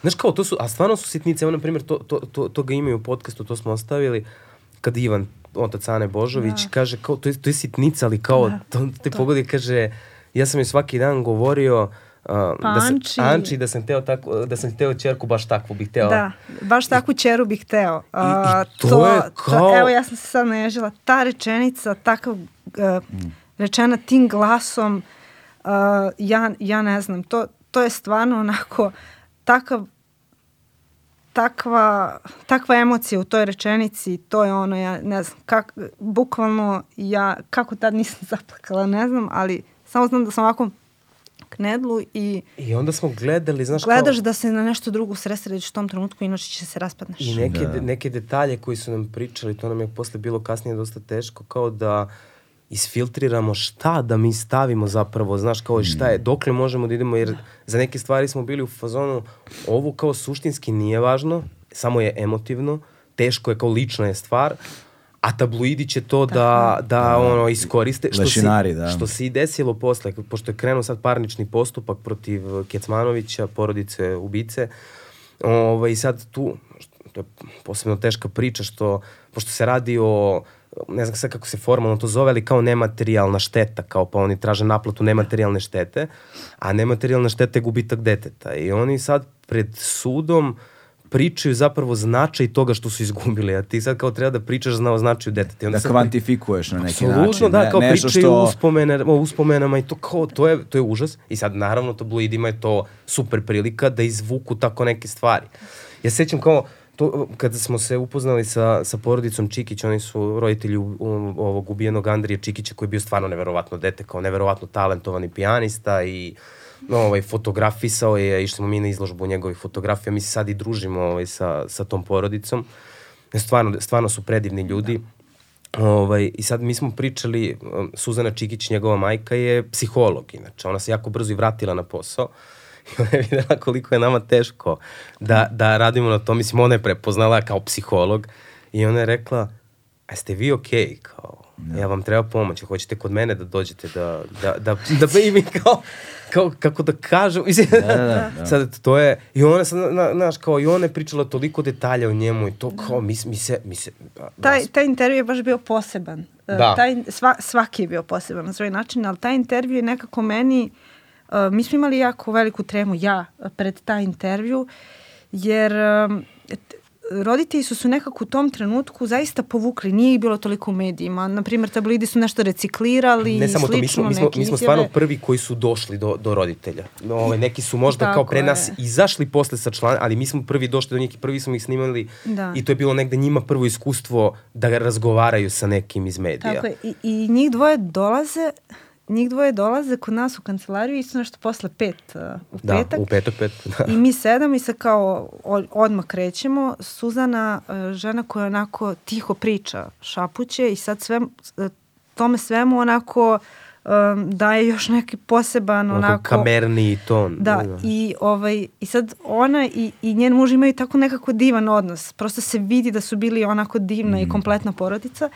I, ovaj, i tako, čak ona kao mnogo boje, na primjer, eh, tako sam nekako, čini mi se, iz tog intervjua shvatila, on njoj da priliku da ona ispriča čak nešto što se njemu desilo. Kao, e, Da. kao Suza, ajde sad ti ispričaj, a ona zna što je bilo. I sad u, tom, u tim intervjuima bude i smeha i bude i Da. oni plaču, ali se mi smejemo i šale neki slične. I sad jako je dugo traje taj intervju, mi završavamo i mi kao, pa mogli bismo nešto i da popijemo, možda i da pojedemo, mi naručimo picu i ja donesem iz kancelarije naše, sve što od alkohola mi imamo, znači Da. domaću rakiju koju pravi moj tako, nešto. domaću rakiju koju pravi moj tata. Mi imamo neku tradiciju kad god odemo u inostranstvo, na primjer neki poslovni put, uvek donesemo neke slatkiše ili eventualno nešto specifično iz te zemlje, neki napitak, reći da. ćemo. I, ovaj, I onda smo mi to tako sve tu iznali i onda smo svi tako po čašicu nečega popili i mi smo ostali, na primjer, do 12. Da, da, da, da, baš smo dugo ostali Pričali smo o svemu i svačemu i kako se oni osjećaju i oko sve kao, nismo snimali, nego nekako smo se zbližili s njima i posle sećam se oni onako odlaze i, i ja i Stefan sed, sedimo na terasi i on puši i kao čoveče, znaš, kako je sad njima. Ja sam se uvek posle tih intervjua sa tim roditeljima pitala um, oni sada odlaze, mi smo sada napravili, na primjer, super intervju, mi smo isto loše zbog svega što smo prosto teško ti je, ali kao čovječ kako je njima? Oni sada, na primjer, odlaze svojim kućama, um, mi smo i ispričali su nam sada ovde, otvorili su nam dušu, pričali su s nama dva sata o najgorem, o nečemu najgorem što, što im se desilo, o najgorem danu u njihovim životima. Mi smo ih možda sad na sve to podsjetili i oni sada odlaze i možda više razmišljaju o onome Da. uh, nego kada su dolazili na, na, na Da, taj ali mislim intervju da oni ne mogu ni bilo... da se, da ni ne, ne mogu da se isključe, mislim kao to je nešto Moguće, što... da, ali prosto eto imaš Vraćaju i se u taj... svoju stvarnost. Jer Da. znam kad, kada su slušali ovaj, posle taj, taj podcast, to je baš Miloš Čikić, otac Andrin, ovaj, mi je napisao kao raspao sam se kao slušajući prvu epizodu, ali mi je to baš trebalo. Kao vratio si me u taj 3. maj, ali možda mi je to trebalo da bi se suočio sa Da. tim. Tako da sa svim, svi su to, sve, svi ti intervjui su bili zaista, zaista. Bilo je, bilo je jako, da, sva, i svi su, svaki roditelj je drugačiji, mislim, sve, sve te porodice su dosta drugačije, oni se druže, da kažem, većina njih je kao manje više složna, ali su svi različiti i svako je, kod svakog ti bude teško nešto, kad razgovaraš sa njim, kao nešto specifično ima, znaš, i onda kao to te, to te muči posle. Da, da, to te muči. Bukvalno rečenice neke, pamtiš kako su izgovorene. Da, to je uh, jedna stvar koja je meni negde zapala ovako, znaš, kao i intimno, lično, jel te, i profesionalno s druge strane. A, šta god da sam radio, uvek, uvek sam nekako težio da to bude na granici između, ono, um, kako bismo rekli, kao naš, vesti s emocijama, na, ovaj, a, da, da bude na granici između reportaže, između vesti, između nekog narativa, između nečeg doživljajnog, znaš, da, da nekako da svemu u objektivnom daš neki subjektivni sud. Znaš, ako snimam recimo nešto dokumentarno, hajde znaš, da, da ti kao host si tu da preneseš ono što kamera ne može. Da li je hladno, da li je vruće, da li si se uplašio, da li je situacija naš ovakva ili onakva, nešto što kamera ne može da, da, da donese, pa onda ljudi kroz tebe doživljavaju na neki način. To sad bude, to ima notu subjektivnosti koja goloj informaciji daje neku humanu dimenziju, Da, znaš. Da oboji je, daju neku, Tako je, neku tako patinu i da, neku trodimenzionalnost, znaš. U ovakvim situacijama jedna očigledna stvar je da se jako teško razgraničava profesionalno i lično. Znaš, vrlo, Jest. vrlo teško i ono se pretapa. Da. I održati tu granicu, znači održati s jedne strane ljudski odnos, um, humani odnos, da on prevashodno bude iskren. Znaš, ne, ne, evo kao to sad tako treba jer je takva vrsta intervjua. Ne, nego zato što je to tako. Ovaj, zaista jeste da sagovornici osjete tu vrstu iskrenosti, ali s druge strane kada praviš sadržaj, da ostane s jedne strane jedna doza profesionalnosti, ali i da se hoda po toj tankoj liniji sentimenta, da se ne zapada u patetiku, Apsolutno. da Da. se To ne jeste. zapada u, znaš kao, To je, To je, napraviti to je stvarno- trijažu onoga to je šta teško. izabrati. To je baš To- bilo teško. I mi smo stvarno, mislim, ja, ja kad sam sedao da pišem ovaj scenario i sad gledam ono transkripte svih tih razgovora i stvarno sam gledao da izvučem delove koji pričaju priču, a nisu nepotrebno patetični. E, ovaj, I bilo je jako teško, sad pričamo o Ribnikaru konkretno, zato što sama priča je emotivna. I mislim kao neko izgubio dete, mislim kao da da je bila jedna osoba koja je izgubila dete na bilo koji način. Mislim kao teško je, a kamoli ovakav način, znaš, kao nešto ti presečeti se i promeniti se život. I bilo je jako teško da se, da se izvuku te stvari, da ne bude preterano patetično, ali jeste emotivno. Mislim, kao tu nema šta. Ja kad sam slušao, ja sam opet plakao, mislim, kao slušam podcast koji sam slušao već mnogo puta, sve te intervjue i sve to kao i dok smo radili montažu i sve, i svaki put mi je teško. I svaki put mi ono, kao kad čujem njihov glas, kad, kad, zna- znaš, kao mogu čak i da ih viz, ono, kao vizualizujem, Da, da, da, da. zamislim kako sede i kako mi pričaju te stvari. Ja bukvalno imam u podcastu tačne trenutke Da, kad da. znam da ću da zaplačem. Znači, to je Da. neverovatno. Ako, na primjer, slušam, sa sestrama sam slušala e, i onako pojačam u stanu i njih dve slušaju i sad kao sve vreme plaču.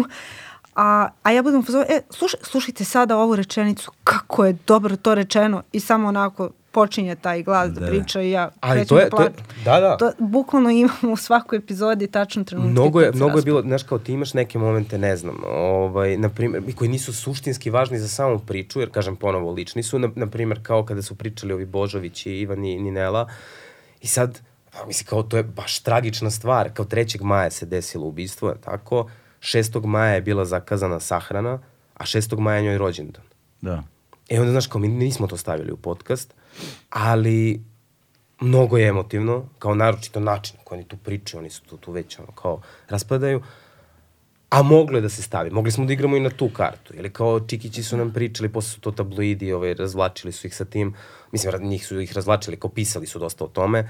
Ovaj, to Jovan i ja nismo znali. Ja sam se upoznao ranije, dan pre toga smo sedeli, ja sam s njima proveo tri, tri i po sata smo pili pivo ovaj, u nekom kafiću da se upoznamo bolje dan pre intervjua i kad su došli, sad sam, suštinski sam znao o čemu će da pričam, da sam bio negde i psihički pripremljen na to. I onda kreće priča o tome Suzana kako je prvi put videla svog sina nakon ubistva na sahrani zapravo i videla da mu je mokra kosa i onda tražila fen jer su ga tad kupali i ona sad tu priča nam kako ona njemu fenira kosu i kaže ja ga ljubim u čelu i njegove ruke pijanistički. I ja tu kao, ja, ja, ne, ono, kao, ja ne znam kako sam, da.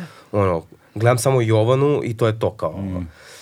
Tako da... Dobro da ste imali jedno drugo. Ono, jeste, jeste, to nam, je mnogo, to, je, to nam je mnogo značilo. To no. jeste, da. I ovaj, u suštini uvek smo kod tih, uh, nekako smo razmišljali, nije nam cilj da mi sada objavimo ovaj podcast i da se ljudi raspadnu mm. totalno. Ali su se raspali. Ali su se ljudi, suštinski, to, javljali su nam se ljudi koji kažu mi smo oslušali prvu epizodu i mi ne možemo dalje. Da.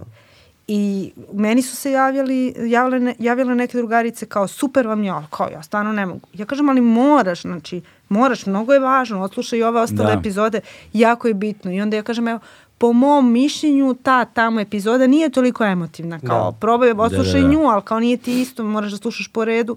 I onda nekako nije nam to bio cilj, to se dešavalo i onda smo pričali baš sa urednikom kao da li, kao da li smo ga možda, da li smo mogli još malo da ga kao da bude manje emotivan, ali ne, ne može, to je tak, prosto takva je pa, tema. Da, da, da, da ga dezinfikujete nekako, mm. znaš, da, ali ne, ne bi to bilo to. Ne ono što, bi bilo on, to, da. postoji, postoji nužnost ovih okolnosti koja je takva kakva je.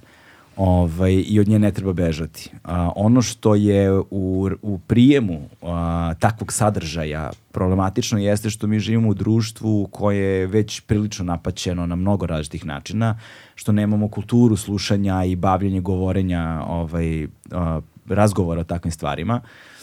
A, I a, ljude generalno teške teme odbijaju. Mm. Znači, to je nešto što je stvarno sa kojim se svi mi suočavamo. Kad znam da imam tešku temu, znam da ona ne može nikako da bude ono mainstream u tom pogledu. Znači da ne može da bude, osim ukoliko se ne pređe ono što je strada, patetika i tako dalje, gde se onda jaše po tome, a to je potpuno da. druga strana i to nema nikakve veze sa onime što vi radite. Da.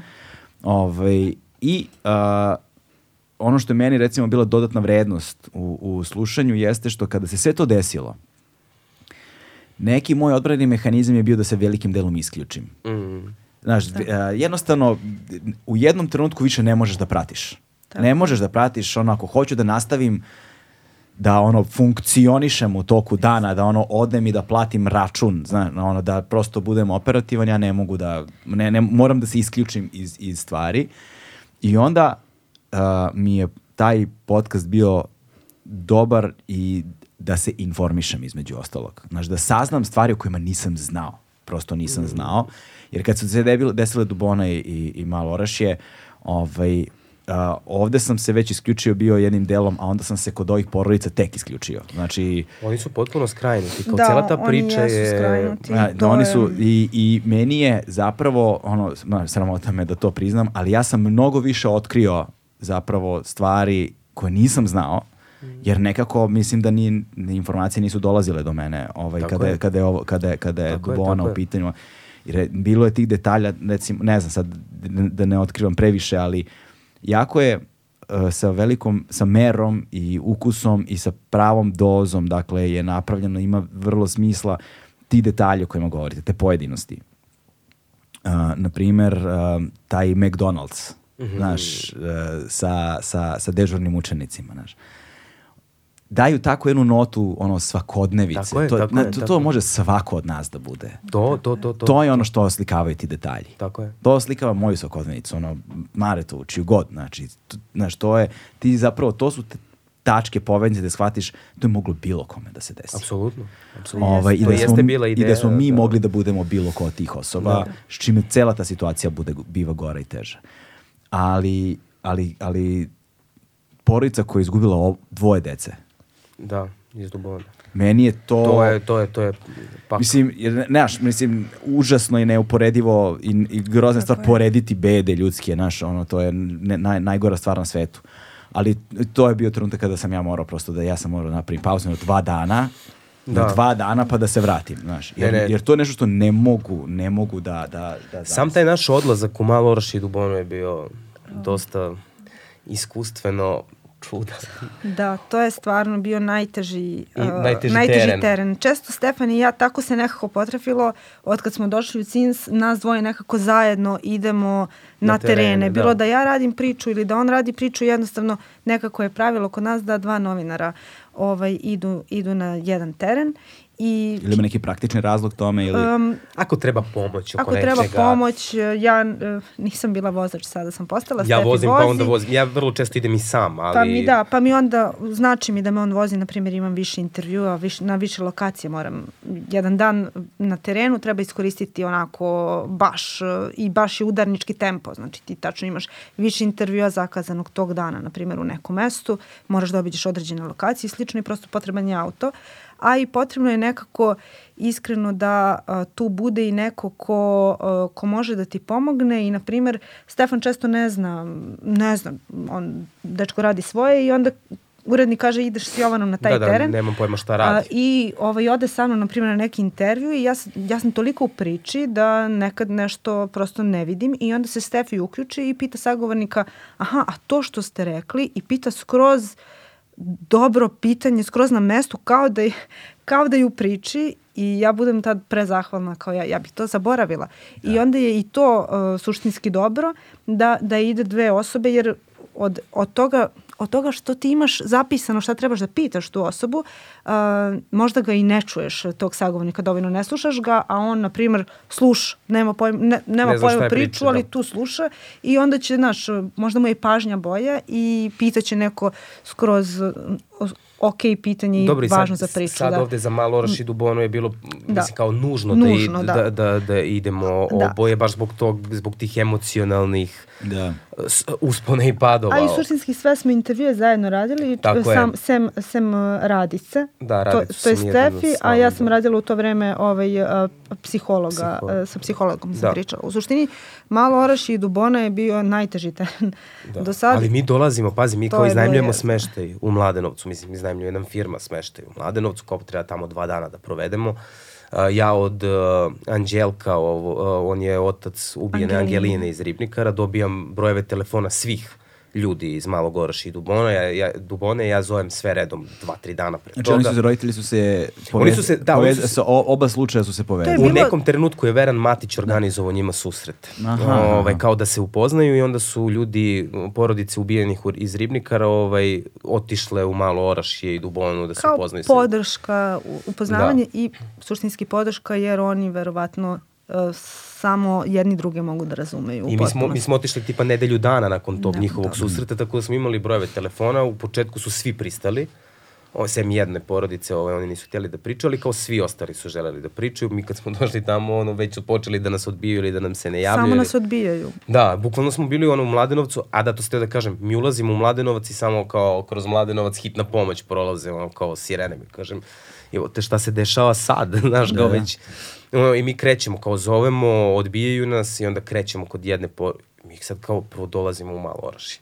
Malo Orašje onako mirno selo, selo ko selo, mislim, kao, nema neke ono, karakteristike posebne, znaš, kao, I mi se vozimo kolima kroz selo i svaka ono treća kuća, crni barijak na, na, na terasi, slike i umrlice. To je, to je prosto jezivo, jezivo. Ljudi ono, kao muškarci sa bradama, kao da. ono, ožalošćeni. Šetuju, kao, užasno jeziva slika, pritom lep dan, onako, znaš, kao nije bilo večer, nije sad ništa mm. ono, jezivo.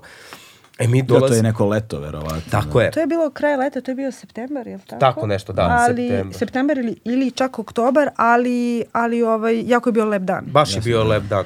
E sad šta je bila razlika između toga i ono kad smo razgovarali sa porodicama ubijenih iz Ribnikara, bila je razlika u tome što smo a, sa ribnikarcima, da kažem, pričali u redakciji.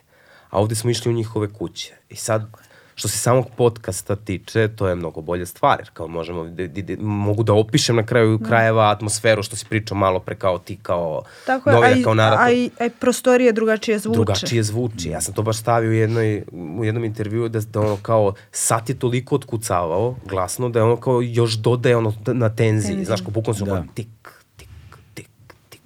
I ti kao sediš i ovaj, pričaš sa tim ljudima i bukvalno, ne, mnogo, mnogo je teško i sad sa druge strane u nekim momentima je mnogo i teže zato što su oni bili tamo. Oni su videli tu svoju mrtvu decu. Oni su njih, oni su njih vozili, vozili u Sme, hitnu. Smede, u Smederevu, pošto malo Orašje pripada Smederevu, a Dubona Mladenovcu, odnosno Beogradu, kao, za Dubonu je još i bilo hitne pomoći. U Smederevu su rekli imamo jedan sanitet, kao mi nismo spremni na to. I onda su ljudi vozili kolima, I ti sad ne možeš ni da zamisliš koje su nama detalje pričali tamo, koje smo mi morali posle da izbacujemo. Naravno, mislim kao to, gde su bile rupe od metaka, gde su, u kakvom stanju su našli decu i to, kako je bilo u kolima. To, to je pakao. Ti ljudi, ja, ja ne znam, mislim kao ti ne možeš da se oporaviš posle toga. Da. I to su sve ljudi koji se znaju, to su Da. vrlo često rodbina. Um, to je, sećam se, bili smo u uh, kod roditelja uh, Petra. Petra, da. Uh, Petra, on je umro, preminuo je naknadno. Znači 50, dva- 50 dana nakon, nakon Da pucanja. znam tu nakon priču, da. i bili smo sad u njihovoj dnevnoj sobi. Kada i je stoji, pitao majku zašto. Zašto? Da, e, to je taj dečko i bili smo u njihovoj dnevnoj sobi i sad uramljena je slika, pretpostavljam sa, ne znam, nekog rođendana, neke svadbe, onako svi su lepo obučeni, svi su nasmejani, onako porodica, ne samo njihova porodica, tu su bili još... još Šira je- porodica. Šira porodica. I nama je o, otac Vlada od Vlada o, Petrov tata rekao eto kao na ovoj slici kao smo ovo je bilo par meseci čini mi se pre i kao na toj slici evo tu je moj Petar i tu je sin od mog brata koji je isto ubijen. E, to je jedan e, dečko. E, mlađi, mislim da je imao Bratanac 18. mu je ubijen Da. isto. I sad mislim, ti u tim trenucima gledaš tu sliku, njima se, taj čovek e, u tom trenutku koji priča s nama, nije onaj čovek na toj slici koja je fotka na Ti par fizički ga meseci ne ranije. prepoznaš. Fizički on Taj- nema, nema bradu na slici. Taj čovjek Znaš, je kao, baš onako- vidiš da je veseo bio. Mi kad smo došli, Jovana je tu u nekom trenutku rekla kao, deluje kao ovaj, bre, div iz bajke. Da. Ono drvoseče iz bajke. Znaš, kao sa bradom bio namršten. Mi kad smo ušli to. I zapravo kad je krenuo da priča, ti vidiš da samo njega... Da. Da ono kao, To je- uništio ga živo, Da. da. Taj, promenio taj ga taj čovjek je dan. bukvalno onako ima i bradu, vidi se da se nije, da nije takao bukvalno bradu od kad mu je uh, sin uh, preminuo, uh, obrve su mu porasle, kosa mu je porasla i, i, i svih tih ono dlaka ti mu vidiš plave oči, ona Pune suza. boja mora, pune suza i onako sećam se da onih njegovih uh, čovjek je krupan i onako debeli prsti koji se onako tresu od nervoze i ti vidiš da taj čovjek, koliko god da je on fizički jak, da je on Slomljen. slomljen. Apsolutno. I sad, znaš, kao gledaš tako nekog, uh, on je verovatno glava porodice, neko na koga se svi tu u toj Oslanjaju. kući oslanjaju, a on je slomljen i još on domaćin sa sela, uh, To je isto specifično što oni baš da. ovaj, trude se muškarci tamo da budu čvrsti. Jaki, Znaš, kao oni su jaki, oni nose porodicu, a ne mogu, mislim, kao izgubili su dete. I ovaj, onda je ta priča, zna- znaš, kao ti, ba, to ti je još teže kad pričaš da. sa njima i kad vidiš kako je tako ogroman čovek kao potpuno slomljen. to, to, to je drugačiji, drugačiji su ti intervjui uh, i uh, na drugačiji način smo ih čini mi se i vodili, da. drugačiji je tip prosto ljudi, oni svoju patnju i tugu čini mi se onako, moje mišljenje je drugačije nose od Kao da- ljudi koji su decu uh, izgubili uh, u Ribnikaru. Mi smo se na tim, na primjer, intervjuima, uh, kad smo pričali sa roditeljima ubijene dece u Ribnikaru, s njima se, znaš, i nasmeješ, uh, iako oni su tužni, pa su tužni, ali oni, znaš, neka šala tu prođe, oni se nasmeju.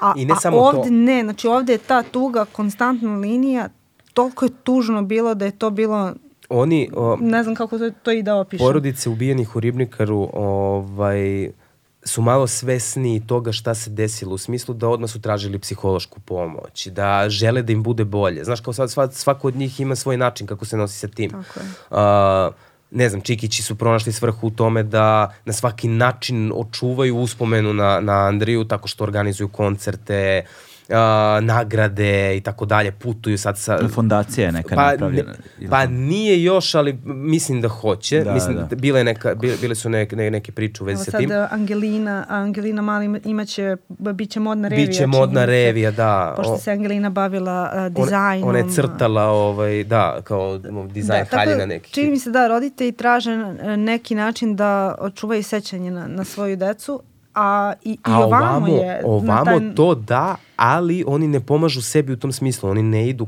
kao oni ne... Oni u svakom trenutku kao da moraju da budu svesni da pate. Da, da, I kao da je ne, nekako smatraju da nije fair prema ubijenima ako ne pate. Znaš, prosto su non stop u tom stanju. Oni ne, znaš, kao to je bukvalno kao stanje pat, patnje koje je konstantno. Možda je, možda je drugačija vrsta zajednice prosto. Pa možda, da, da. Sredina... Sredina je takva, da. Da. da ovaj, i, po, o, pošto sam ja sa sela, više sam se, na primjer, sa tim ljudima, bilo mi je teško na svakom intervju, a s tim ljudima sam se više identifikovala. Nekako sam ih možda, više sam ih razumela, uh, potencijalno, na primjer, od Stefija. Na primjer, Stefi kaže, a, a kao, a što tako nešto ili šta, šta, šta im to znači ili tako nešto. Ja sam, na primjer, to sama po sebi razumela. Ja sam odrasla u mali sredini skroz i onda sam razumela tako nekako neke obrazce ponašanja, ali i ono što je nama možda bilo uh, u ta dva dana, što smo mi, na primjer, sa porodicama uh, ubijenih u Ribnikaru razgovarali bukvalno uh, jedan intervju nedeljno ili čak jedan intervju dve nedelje, Da. a ovde smo u dva dana stavili šest ili, šest ili sedam Še- intervjua, intervjua, da. gde ti ideš iz kuće U kuću. u kuću. I ti znači ideš e, iz jedne tužne priče, ulaziš u drugu tužnu priču. Taj, taj dan kad smo mi stigli u Mladenovac, krenuo, mi smo stigli oko 9 ujutru, odmah smo ono kao samo ostavili stvari, ono, proverio opremu, seli u kola, on je na desetak minuta malo orašio odatle. Bukvalno smo krenuli nešto malo pre 10, možda je bilo 10. Mi smo se vratili u taj stan, pa koliko je bilo, 11, ja mislim da je bilo uveče. Tako nešto, više, duže od 12 sati smo radili, mislim kao, isto je buk, bukvalno bilo to. Iz kuće u kuću, iz kuće u kuću, hajmo na mesto gde se to dogodilo, da vidimo kako je, Uh, ajmo do škole, ajmo, na, naš kao, i to Sjećam je, se, jedan intervju smo imali a, sa, a, to su a, Dragana i Dejan, Da. a, roditelji od Nikole. A, i kasno je bilo, možda je bilo nekih devet, Da, pola da. deset i mi smo, bili smo u Mladenovcu, večerali smo i sad krećemo ka, ka Malom Orašju i pre, Da. a, pre njihove kuće je zapravo mesto gde su oni to je ubijeni. najstrašnije što, što je njihova kuća bukvalno na 100 metara Da, od, od- od, od, mesta gde im je od tog- ubijeno dete. Da, od tog um, ravnog gaja, kako ga oni zovu, to je kao To je kao, pa ne znam, kao parkić u kom Igralište se i nalazi, parkić. da, ono, prizemne slačionice za, za futbal, ono, za futbalere, teren i neki spomenik iz drugog svetskog rata, oslobodiocima, nekim partizanima. Da. I ovaj, međutim sad ka, kako se to desilo, to je malo grad, opština ili ko već, potrudio se pa je tu napravio i neki spomenik, klupice, palionice za i sveće osvetljenje, i osvetljenje. da. I mi se vozimo, ovaj, tuda prolazimo i A nešto noć, pričamo. ne, mo- no- ne možeš da zamisliš ono kao noć mrkli je, mrak. Koliko a, god da deluje pitom o danju, Da. to selo noću deluje užasno sablasno. I mi prolazimo, onako usporili smo pored tog mesta i ja ovako bacim pogled i, i Stefi i ja bacimo pogled, gledamo ka, ka, ka tom spomeniku i sedi čovek na klupici, brada, Brada. cigara, puši i ja kažem Stefiju, jo, kao Stefi stani, kao stani sad, Stefi zaustavi auto malo niže, jer kao, da li da se vratimo, da porazgovaramo s čovekom i Stefi kao, pa ajde. I u nekom trenutku samo se ovako pogledamo kao, ma ne, Ne, da- da mu pusti ne čoveka. smetamo, znaš, kao, mislim, Pusti treba mu čoveka. tišina. Došao je tu s nekom svrhom, treba mu samoća, idemo gde smo krenuli. I mi dolazimo kod, uh, kod Dragane i, i Dejana i kažem, evo, kao sad smo videli jednog čoveka, gore sedi, puši cigaru uh, sa bradom i Dejan kaže, to je, to je moj otac. On svaku noć ide, to je de, deka od dečaka koji je ubijen, to je A inače on je naj, najmlađi. najmlađi, on je... To je što ima 14-15 godina. 14, Da. 14, Da. nepunih 15, da. I, I tako te A scene... on ga je vozio, deda, deda i otac su ga vozili u bolnicu. U bolnicu, Da, da. da, da. I ova, baš onako to mi je, čini mi se urezan, taj teren, uh, pamtim svaki Jeste, detalj. jeste, jeste, jeste. To je, to, bilo je teško i to što si počeo da pričaš zapravo e, za ljude koji su izgubili oba deteta. Mi kad smo otišli Oni kao, beše vide i svoje kuće ubi... iz svog dvorišta vide kuću ubice. Ubice, da. Pritom ga nisu poznavali. Ovaj, Znali su ga iz- iz viđenja. A to je ono što sam skapirao u podcastu. Znači, puno stvari koje sam saznao u podcastu jeste jedna stvar to, da su ga svi znali iz viđenja na motoru na nekom, motoru, da na ga, da ga žuti zapravo na neki bizaran način niko nije poznavao. Da, Tako je, znali su ga kao dečko koji vozi žuti motor. I ne znamo čak ni ime. Nisu Bukvalno. poznavali čak ni ime. Da. Ovaj, to je jedna stvar, a, ali druga stvar je ovaj, što kao, i, kao, kao i sa slučajem u, u Ribnikaru, znaš, kada a, jedna stvar koju ste radili jako dobro takođe te jeste rekonstrukcija mm -hmm. na neki mhm. način događaja. Znaš. I onda kada prolaziš kroz rekonstrukciju događaja, ali kada prolaziš na način na koji ste vi to sastavili, zapravo kroz jednu sliku svakodnevice. Mm -hmm. ovaj, opet dobijaš taj, znaš, to su ti trenuci kada ono, ja, ja obično slušam podcast u kolima, znaš, i onda se, i onda budu trenuci kada ja moram da se zaustavim, jer nisam uračunljiv u saobraćaju zbog načina na koji se osjećam, razumeš, moram, prosto moram, jer ja obično slušam u međugradskoj vožnji, ovaj, jer idem stalno za Gornji Milanovac, znači onda idem na Mladenovac pa na Topolu, te na Rudnik i, ovaj, i stalno prolazim i uvek vidim tu tablu ne, Dubona. Šepšin. Uvek, uvek, uvek, uvek, ono, i tu ja barem jednom nedeljno ono, prolazim tu da i vidim. Ovaj, I onda a, nešto što je tebi kao letimičan pogled u prolazu, nešto, nešto na što nikada nisam obraćao pažnju, sada obraćam pažnju, u trenutku kada sam slušao je baš bilo, je bila baš ta epizoda, ja sam morao da stanem sa strane, znaš. Ovaj, ali hoću da kažem da je to, znaš, uh, ima, ima veliku vrednost, znaš, ima veliku vrednost zato što a, ajde što je dobro urađeno i što je akcenat zapravo na tim porodicama i što je akcenat na tim žrtvama i što je akcenat na tome da se zapravo oslika šta se zapravo desilo jer to daje na snazi na veličini tragedije koja jeste jer nekako imamo tu tendenciju uvek kad su velike traume da kao društvo samo se gurne po tepi. Nastavimo dalje, da, da. da se na njih ne vraćamo, jer su prevelike da bismo je. ih Tako obrađivali je. kontinuirano. Tako I je, ovo je jedan od načina da se to uradi. Pa znaš šta, me, nama je do, dosta bilo bitno i to da to je onaj drugi segment mi u podcastu nismo pričali samo sa porodicama je, da. ovaj ubijenih, nego smo pričali sa stručnjacima koji su direktno ili indirektno a, bili uključeni u celu tu priču. Jer mi smo, sama ideja podcasta je bila ne samo ta rekonstrukcija, rekonstrukcija je bila nužna da bi te uvela u priču, ali ovaj, a, to preispitivanje kao da li je sistemski bio neki problem, propust, da li je moglo da se spreči, nije moglo da se spreči ili makar da se prepozna, da li je moglo da se reaguje, u oba slučaja i što se tiče ribnikara i malo goraš i dubone. I to nam je negde bila zaista ideja kao da vidimo to i sa druge strane poslednja epizoda je zapravo i govori o sistemskim problemima, političkim i društvenim, ovaj, gde smo mi u političkom smislu, kako se reagovalo, da, kako je vlast, kako je opozicija, kako je sa druge strane društvo kao prihvatilo i naravno vraćamo se ponovo na porodice koje one moraju da se nose sa tim svakodnevno, mislim, to je... Da. Da, i onda, i sad, i sad, i to je sad, prosto ovde smo razgovaramo, pa zbog ljudi koji slušaju, koji nisu slušali podcast, dakle, obavezno morate poslušati podcast tragove. Stavit ćemo u pinovan komentar a, linkove za, pošto je samo audio, Tako. ima i na YouTube-u, ali stavit ću ono i, i Apple i po Spotify i sve ove ćemo poređati tu, pa kako kome odgovara da posluša. Um, Uh, još jedan deo koji je važan, dakle, tu su razgovori s porodicama, tu je akcenat na, na životima, na sudbinama, dakle, oslikavanje života tih žrtava, znaš, da dobiju tu ljudsku mhm. treću dimenziju, da to nisu samo neke žrtve imenom i da. prezimenom, nego su to zapravo ljudi koji su živjeli svoje živote, koji su, na, na koji su naprasno stali ovako jednim uh, stravi, stravičnim činom. A, a, i, rekonstru, i pored toga je dakle, ta rekonstrukcija događaja sama, ali i pored rekonstrukcije što čemu ste govorili, ali još jedna stvar, to je taj novinarski deo. Mm ovaj, koji ne mislim nužno razgovore sa psiholozima, nego, nužno, nego mislim na ono o čemu smo svi spekulisali negde. Nešto, nešto što znamo da kao sistemski problem postoji još od ratova 90-ih, ne znam, nelegalno oružje, oružje da. na primer. Mm.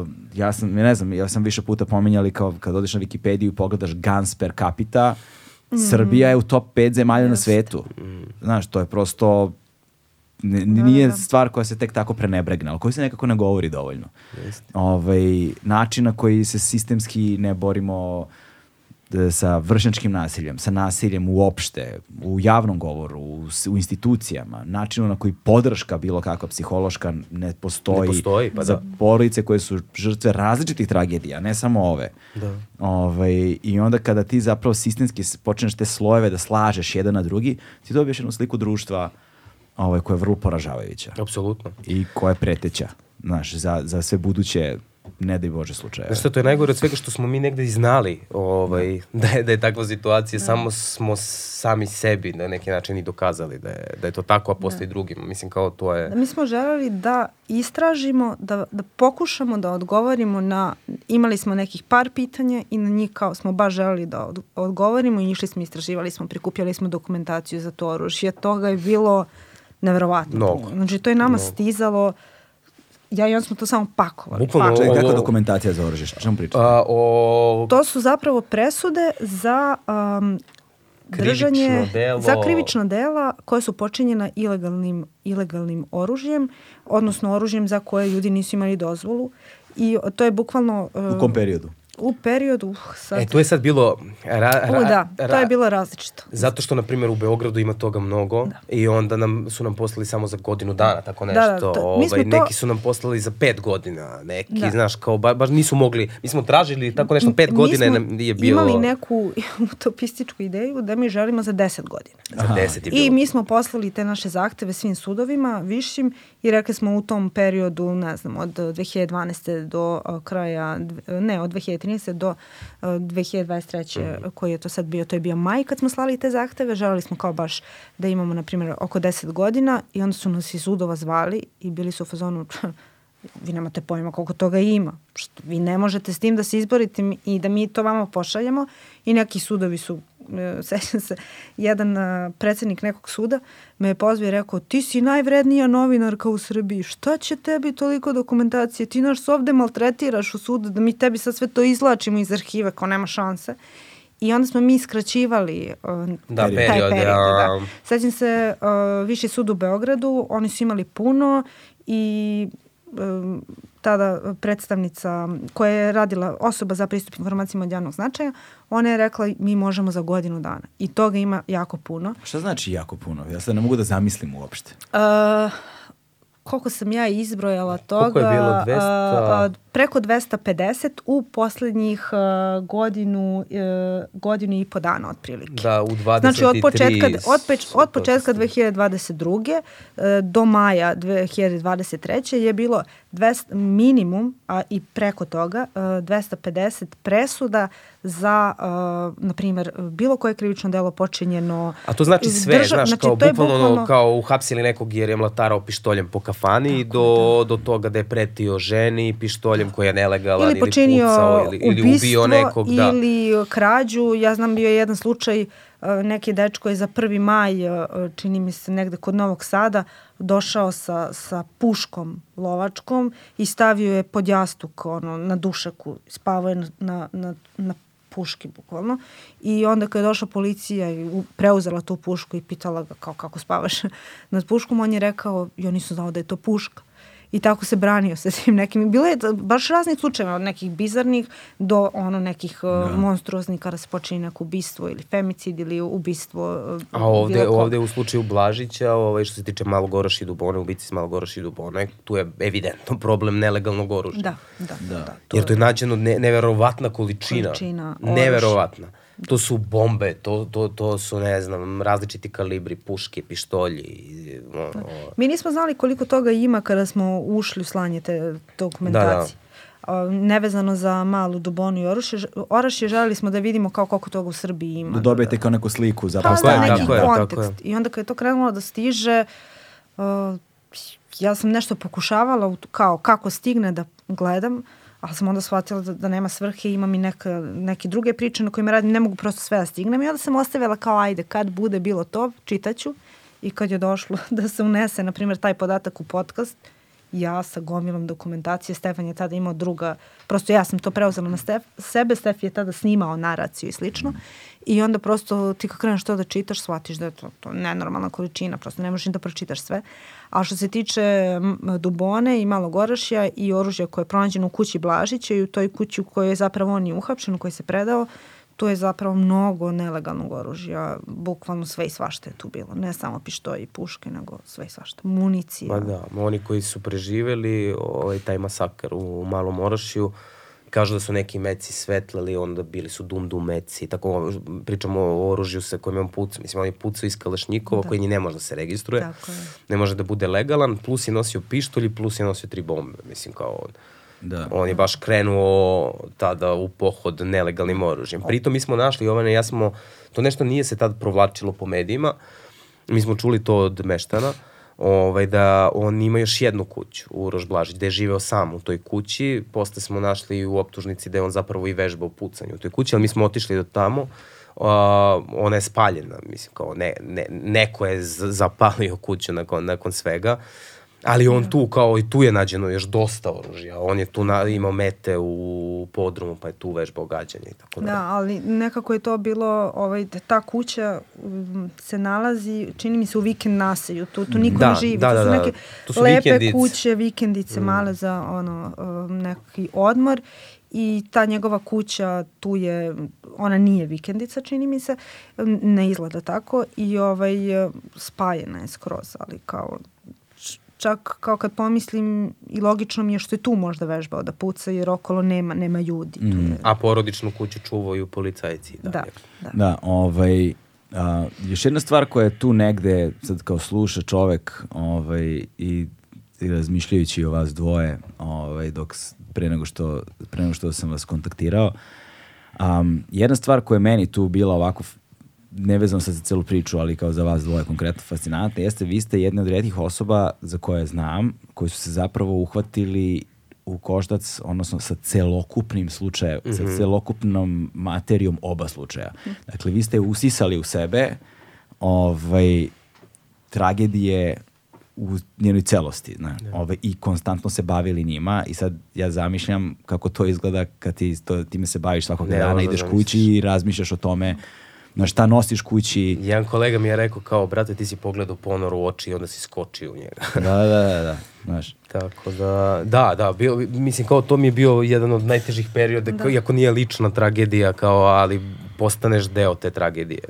Da. Ovaj, Znaš, ne- nešto čime se kontinuirano baviš Yes. Da, da, da, da. iz dana od dan, jer vi ste upoznali sve članove, skoro sve Da, članove, skoro skoro, sve članove porodica, žrtava, a, razgovarali sa stručnim licima, bavili se predmetima, zakonom, ono, znaš, i, i, onda, im, i onda postoji sad tu ti neki detalji. Meni se jako svidela ovaj misao, mislim da je Branka Katić uh, rekla kada su protesti krenuli Srbija protiv nasilja, on rekla da je ovo zapravo kolektivna artikulacija tuge. Da. I čini mi se da je to zaista tačno. E vidiš, kad, kad su krenuli onaj prvi protest kad je bio, to je bila prva stvar koju sam otišao da snimim. Jer tad sam već bio u fazonu, možda radimo podcast, još nije bilo Još sigurno, nije nismo bilo imali, sigurno. nismo imali sastanak. Čime si snimao? Jesi Zoom nosio? ne? Zoom, Zoom, da, Zoom, okej. aha, Zoom uh, i imamo onaj shotgun koji to je Zoom petica sa onim što se prikači. Jasno, jasno, Imamo da, da, da. shotgun. E, ovaj, kako se zove, i išao sam sa tim i to mi je bilo fascinantno koliko je taj, pro, bilo je mnogo ljudi na tom protestu, bilo je neverovatno tiho. Mm. Moj zvuk, kao, ja, ja nemam, kao, to čuješ samo kako ljudi razgovaraju. Kao, Žamor neki, žamor da. neki, nešto, nešto, nešto, znaš, kao, ne, nema, nema zvuka. I to je lepo rekla Branka Katić ili ko već. Ovaj, I to je tačno zato što prosto su ljudi, ja znam gomilu ljudi koji su, koji su otišli tog dana na protest, otišli su zato što nisu znali šta da urade. Mislim, kao možda je negde i naš podcast nastao iz iste te namere, kao želiš da uradiš nešto u vezi sa tim, ali ne znaš kako, ne znaš šta. Mislim, kao ja ne mogu da pomognem tim porodicama, nikako. Znaš, kao, ne, ne, ne, i to je bilo nešto što kao sav taj bes, sad, sva ta tuga, prosto je naterala ljude da izađu na ulice i da na taj način artikulišu ta njihova osjećanja koja... Neko, neko, neko zajedništvo, neki ko, to je kolektivni zapravo osjećaj, znaš, jer svi smo pogođeni time na, na vrlo, vrlo sličan način. Tako je. Ovaj, I onda hoću da kažem da, da I sad, znaš, svi znamo proteste, bili smo na protestima, ovaj, ali ima segment u podcastu kada se čuje skandiranje sa protesta. Da. Vrlo kratko, koje onako u kontrastu u odnosu na sve što se sad čuo ima mnogo snažan efekat. Znaš, to je nešto što sam ja, ono, osjetiš, pro, prožmete, ovaj, mislim da sam ga tu prvi put doživeo na način na koji ga nisam doživeo posmatrajući ga onako kako sam navikao da ga posmatram svaki dan. Ima neka navika, neka habituacija.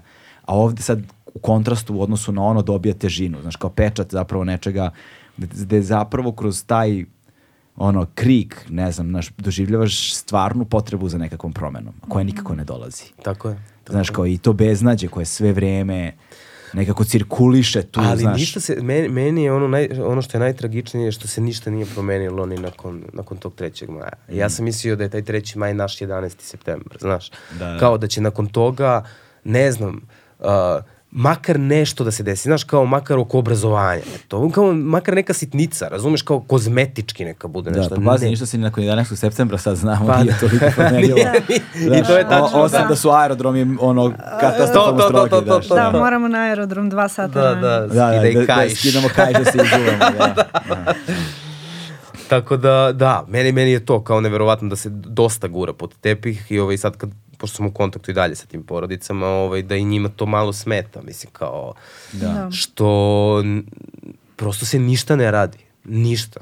I to je isto i Da, kao da, i da. sama ta reakcija, kao inicijalna reakcija, sad ja tu ne želim nikog da opravdavam, ali shvatam negde da nis, mislim, niko, niko ne može da bude spreman Da. na tako nešto. I onda prosto negde su bile bez veze reakcije, negde, negde su bile ishitrene, ali nemam E pojma. sad, ono što je isto uh, tema, a to je da, dakle, nakon što ste jednom prošli kroz ovaj, celokupan taj proces Mm. u fazi, jel te, pripreme i snimanja, prikupljanja dokumentacije i tako dalje, pardon, ovaj, postoji um, onda onaj drugi proces, sad treba ući u produkciju, u montažu svega toga, Mm. odnosno u postprodukciju svega toga. I onda prolaziti kroz sav taj materijal ponovo. Znaš, Mm. vraćati se na to, preslušavati. Sad ja ne znam kako ste, kako ste koncipirali zapravo, ovaj, na koji način ste kreirali... Sad ću da ti, sad, sad, ću da ti ispričam. da, da, da, da. Ovaj, pa od početka je bilo negde ideja da ima pet ili šest epizoda. Pardon. Suštinski trebalo je da, da, da ima šest, kao to je, to je bila neka inicijalna ideja, ali onda smo spojili u pet i, ovaj, i htjeli smo da svaka epizoda govori o nečemu, odnosno da, ima celinu da odgovara I na da neko odgovara pitanje. na neko pitanje, da. Prva epizoda je od uvek bila to, kao od početka je bila ideja Rekonstrukcija. rekonstrukcija 3. maja. Šta se desilo 3. maja? A, sama ideja od početka nije bila da se bavimo malim oroš, orašjem i dubonom na taj način, već je trebalo da bude samo kao posledica 3. maja jer mogu da se po, povežu ta dva slučaja. Ne, ne bi se desio verovatno 4. maj, da nije bio 3. maja, možda nekad, ali ne sad. I ovaj, međutim kad smo razgovarali sa tim porodicama, onda smo rekli kao ok, menjamo koncept, kao bavimo se, a, obe tragedije su nam podjednako važne. I nije fair prema tim ljudima, prosto kao zašto je njihova tragedija manje važna od ljudi ovaj, koji su doživjeli tragediju 3. maja. E, onda smo hteli kao, ok, ako se prva bavi 3. majem, druga će se baviti 4. majem, ali hajde da, da već ubacujemo istraživački moment i onda smo rekli kao, ajde nasilje u društvu. Kao, pošto se stalno priča o tome kao da je taj Uroš Blažić produkt nasilja, produkt uh, reality showa, produkt uh, medija, produkt interneta, čega god. Onda smo se bavili nasiljem, tako da, da to je tema druge epizode. Tema treće epizode je oružje. Nelegalno i legalno oružje. Koliko je problematično nelegalno oružje, to je ono što smo malo prepričali, koliko ga ima, šta se radi sa njim, kako su, da li su uspešne ove akcije policije nakon, nakon 3. maja što su bilo ono oduzimanje oružja bez posledica i tako dalje. Da. A sa druge predavanje oružja. Predavanje Da, oružja, da. tako je. Bilo O, je super što je bilo što su slali kao babe svoje. Babe, da, da, da, da, slali babe sa bombama. Ovaj. Da, da, da. Ali stvarno što je tada predavano sve od oružja, to je neverovatno. To je Zoje. Zolje, pa da. A, ne znam, nešto iz ono prvog svetskog rata. Pa to što nisu ni smeli da predaju, znaš, Da, i onda, a onda je bila priča o legalnom oružju, zato što je a, o, o, ubica iz ribnikara zapravo koristio legalno oružje. Koje je zna- Registrovano. Registrovano, pritom je znao da puca, išao u streljanu, ponovo legalno. Mislim, mi možemo sada da stigmatizujemo streljane, ali njima zakon dozvoljava da ti, mislim, ja mogu da odvedem dete, ti možeš da odvedeš dete i da mu daš pištolj i kaš pucaj. Mislim, kao, Da, zakon nije jasno definisao ko sme, ko ne, Ko ne sme, sme. da puca vatrenim oružjem. tako je. I onda smo hteli da se bavimo i time kao to. Nije strogo zakonom propisano. Ne. U streljanama, U streljanama, da. u streljanama, da. da. Na primjer, zato sam i razgovarao sa predsednikom, to je sekretarom uh, Streljačkog saveza Srbije, gde on kaže kao da, zakon dozvoljava to, ali naš statut iz 45. godine ne dozvoljava. Kao kod nas ne može da dođe maloletnik i da puca visokokalibarskim oružjem. Ne može. Ovaj, tema četvrte epizode, to je ono što mi je bilo jako bitno da, da ispričamo, to je obrazovanje. Obrazovanje, kako funkcioniše školski pedagog, kako fu funkcioniše školski psiholog. I ovaj, to je nešto što je jako važno mm. za ovo društvo, a pokazalo se da zapravo ne funkcionišu. I peta epizoda se bavi zapravo tim uh, šta se dešavalo dan posle, kao kako je reagovala vlast, kako je sistemski, sistemski šta se sve dešavalo, da li je došlo do promene, da li je bilo i tih kozmetičkih promena što kažem, ili nije, a nije, i gde su danas, kao vraćamo se ponovo na porodice, kako se oni danas nose sa tim. I mi smo negde taj koncept imali od početka. Kad smo stavili na papir, tako smo koncipirali celu tu priču, da svaka epizoda može da se sluša i zasebno suštinski, a da se nadovezuje. Uh, koliko gledaš seriju. Da. I, ovaj, I onda je bio, proces je bio takav da kad smo prikupili materijal, ja sam seo, ovaj, radio sam od kuće tad, bilo mi je lakše da pišem, prošao sam ponovo kroz sav materijal, a, angažovali smo devojku koja nam je radila transkripte, ona mi je dala, sve mi je mnogo lakše da, da vadim iz transkripta, onda slušao te delove koje vadim u samom snimku da vidim da li, su, da li funkcionišu zapravo kao, kao takvi. Uh, a, pisao scenario, to je sve trajalo, ne znam, mesec dana možda, i onda smo seli, snimili, posle toga preslušavali ono što nije funkcionisalo, menjali, i to je to isto bio pakao. Dejan Tomka, čovek od kog snimamo, ovaj, u čim studiju snimamo, koji nam radi ovaj, dizajn zvuka i, i editing, uh, bukvalno, i on je dosta ušao u samu temu i ispostavilo se da njegovo dete ide u ribnikar mm. i ne samo što ide u ribnikar, nego njegov sin ide u odeljenje u, u, u kojem su, su ubijene, dežurne, dežurne učenice koje su ubijene. Peti I, razred. I oj, tako da je on baš lično, mi nismo u nekom trenutku, pošto smo snimali glasno žicu, onaj drugi podcast kod njega, u tom trenutku mi nismo mogli ni da pričamo više sa njim, jer on samo pričao o ribnikaru. On je samo to toga jako opterećivalo. I, ovaj, I njemu je stalo bilo do tog podcasta, stalo mu je bilo da radimo, ja sam njega cimao bukvalno u jednom trenutku nedelja 10 uveče, on izlazi iz pozorišta iz BDP-a, ja ga pokupljam taksijem da idemo do studija da menjamo nešto. Do pola dva ujutru. I šaje mi u pola dva, ja, ja. sam sada izašao sa snimanja. Apsolutno, ne, ne, kao, to, je, to je bukvalno bio pako. Ja nisam imao vikende, ništa, mislim, kao nije mene niko sa posla, nije me urednik tero, ne, ne može da me natera. Šta ti žena rekla? žena, e, e, to, imala je razumevanje za to. Znala je koliko mi je bitna, da. koliko da. mi je bitna i koliko je bitna generalno, ne meni, nego koliko je bitna priča i puštao sam je. I ona ima naj, najlepši komentar je zapravo imala moja supruga kad sam mi pustio prvu epizodu, kad je rekla kao, ono, kao naravno plače, e, kaže, ovo više nije novinarstvo, ovo je umetnost. Mm. I nakon toga to je to, mislim, kao posle smo objavili. Da. Da, ovaj, I zato mi je drago što, jel te, prvi taj narativni podcast je zapravo ovakav. A, kažem ovakav zato što zbog načina na koje je napravljen, načina na koje je sastavljen, sklopljen, urađen, da. načina na koje je prikazan, Ovaj, naravno, ništa nije savršeno, znaš, sve ima sve. Naravno, naravno. S obzirom na to da je prvi, zato što negde služi kao pokazna vežba i postavlja određeni standard za sve one druge koji žele da, da zakorače na taj put. Mi smo odmah posle pričali šta je moglo bolje. Da, Ajde da, da, da. sad da sednemo, da, da, šta je moglo bolje. Uvek, uvek možeš. I onda kao... To uvek može, naravno. Da, da, znaš, da, mislim, ja sad kada bi, kada bi evo, ohrabrio ljude da sednu kao na YouTube i onda kliknu sve podcaste, idu ono uh, view from the oldest one. Da. znaš, i onda samo staviš poslednji i prvi. Pa da, da vidiš razliku, pa da znaš, yes. možemo mi da se tešimo koliko god hoćemo da nešto radimo a, dobro i loše, činjenica je da kada radiš vremenom si sve bolji i bolji. Yes. Ovaj, ali, ali je najvažnije zapravo taj prvi korak, početi. Mm. Znači da neko zapravo otvori ta vrata i da krene. Evo godinama se već razgovara, znači ne znam, kogod je radio neke podcaste, pričali smo na tu temu, ovaj, sa momcima iz podcasta RS, onoliko smo pričali i evo najzad smo dočekali, dakle trebalo je svega nepunih pet godina ali da. ako ste ono ako ako ljudi slušaju i fanovi su podcasta, to bi već od 2014. to je punih 10 godina.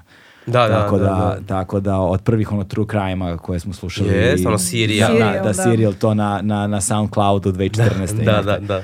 E, tako da ovaj, zbog toga mi je jako drago jer je važno da ovaj prostor slobode koji su podcasti otvorili se sačuva na neki način uz raz, razliku od tradicionalnih medija i onda ljudi poput vas su zapravo čuvari vatre. To je ono što Hvala je meni, meni značajno da napomenem. A, a, ja, nakon objavljivanja Ovaj, dakle, još jednom ohrabrujem ono, i pozivam sve da poslušaju podcast Ragovi. Imate u pinovanom komentaru linkove, kliknite, poslušajte. Važno je i kvalitetno je. Um, trenutak kada objavljujete. Znaš, nešto sad, ja sad opet mogu samo se vratiti na svoje iskustva, znaš, kad, ra- kad se baviš nečime do čega ti je mnogo stalo i u što investiraš i sebe, jer nekako ovo je stvar koja te okrnji, koja uzme deo tebe. Znači ovde je uzidan je deo vas u ovo i otišao je za uvek u etar. Nikad vam se neće vratiti. Da. Ovaj, ovo nije samo neka stvar koja se profesionalno odradi. Nešto što je ipak uzelo, osta, ost, ostao je deo vas u tome za uvek. Ovaj, je iz, između ostalog stvar koja te promeni ali stvar kojom kada se baviš, kojom kada se baviš, baviš se obsesivno i kada Jeste, je nema, jeste. ostane možda velika rupa, a? Da. Jeste. To je. A da, zna- znaš što ti je bilo, znaš kako gledaš onaj, onaj ne, neki film ono novinarski, Da, da. e ovaj, kad novinar uđe kao u temu, pa ono bukvalno poludi. Da, da, Znaš, to, kao, da, da, da. Ne, to, to je bilo tako. Ja nisam mogu, ja, ja bukvalno jedan period, to kad sam pisao i kad sam snimao naraciju, ja više ni, ja, ja nisam mogao da spavam. Ja svako veče sanjam kako ja spasavam tu decu. I to je bilo, ja mislim, ja kao, ja posle sam pričao i sa roditeljima tih, te dece, ovaj, kao, ni, nisam mogao, kao ja, bukvalno, kao to mi je toliko opterećujuće bilo, da ja samo razmišljam o tome. I ja kad se vidim kao sa drugarima, to je bilo, vidio sam da, počeo, da sam počeo da ih smaram u nekom trenutku, jer ja samo pričam da kao mi se sprdamo, kao a, cirkamo, I samo u nekom trenutku, e, znate šta bilo ovamo?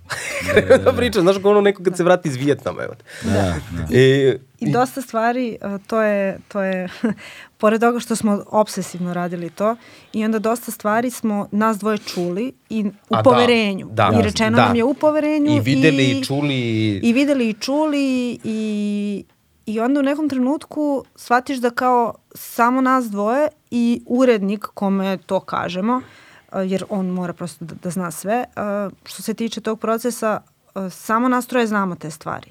I onda znači ja samo sa Stefanom i sa urednikom Vladimirom mogu o tome da pričam. Suštinski ja to ne mogu da kažem nikome Da. od drugara, nikome iz mog ono, privatnog života. I, Terapeutkinji, ili terapeutu. i, da, I onda u nekom trenutku ovaj, znaš kao, jedni na druge smo okrenuti dosta i onda smo, ne znam, zezamo se kao da ćemo ono jednog dana napisati knjigu treći metak, kao Da, da, da, u da, zonu, da. znaš, totalno neke ono, kakve sve informacije su došle do nas, bilo da su ono istinite ili ne. I krene da te u nekom trenutku stvarno, koliko god da si ti tome posvećen, uh, opterećuje Da, sve da. što čuješ, sve što pročitaš, sve što vidiš, uh, svaki taj intervju, svaka emocija koju ti doživiš i onda dođeš kući i meni je, na primjer, odgovaralo sa, samo tišina. Ja nisam nešto ono, u tom nekom procesu, na, pogotovo tih intervjua, to me dosta onako emotivno uzdrma, ja dođem, sednem, tišina i onda u nekom trenutku ja hvatam sebe kako u dva ujutru gledam otpisane, repriza otpisanih na RTS-u. Ja dolazim sutradan na posao i kažem Stefanu, e Stefi, znaš što sam juče gledala? I on kao šta? Rekao, otpisane.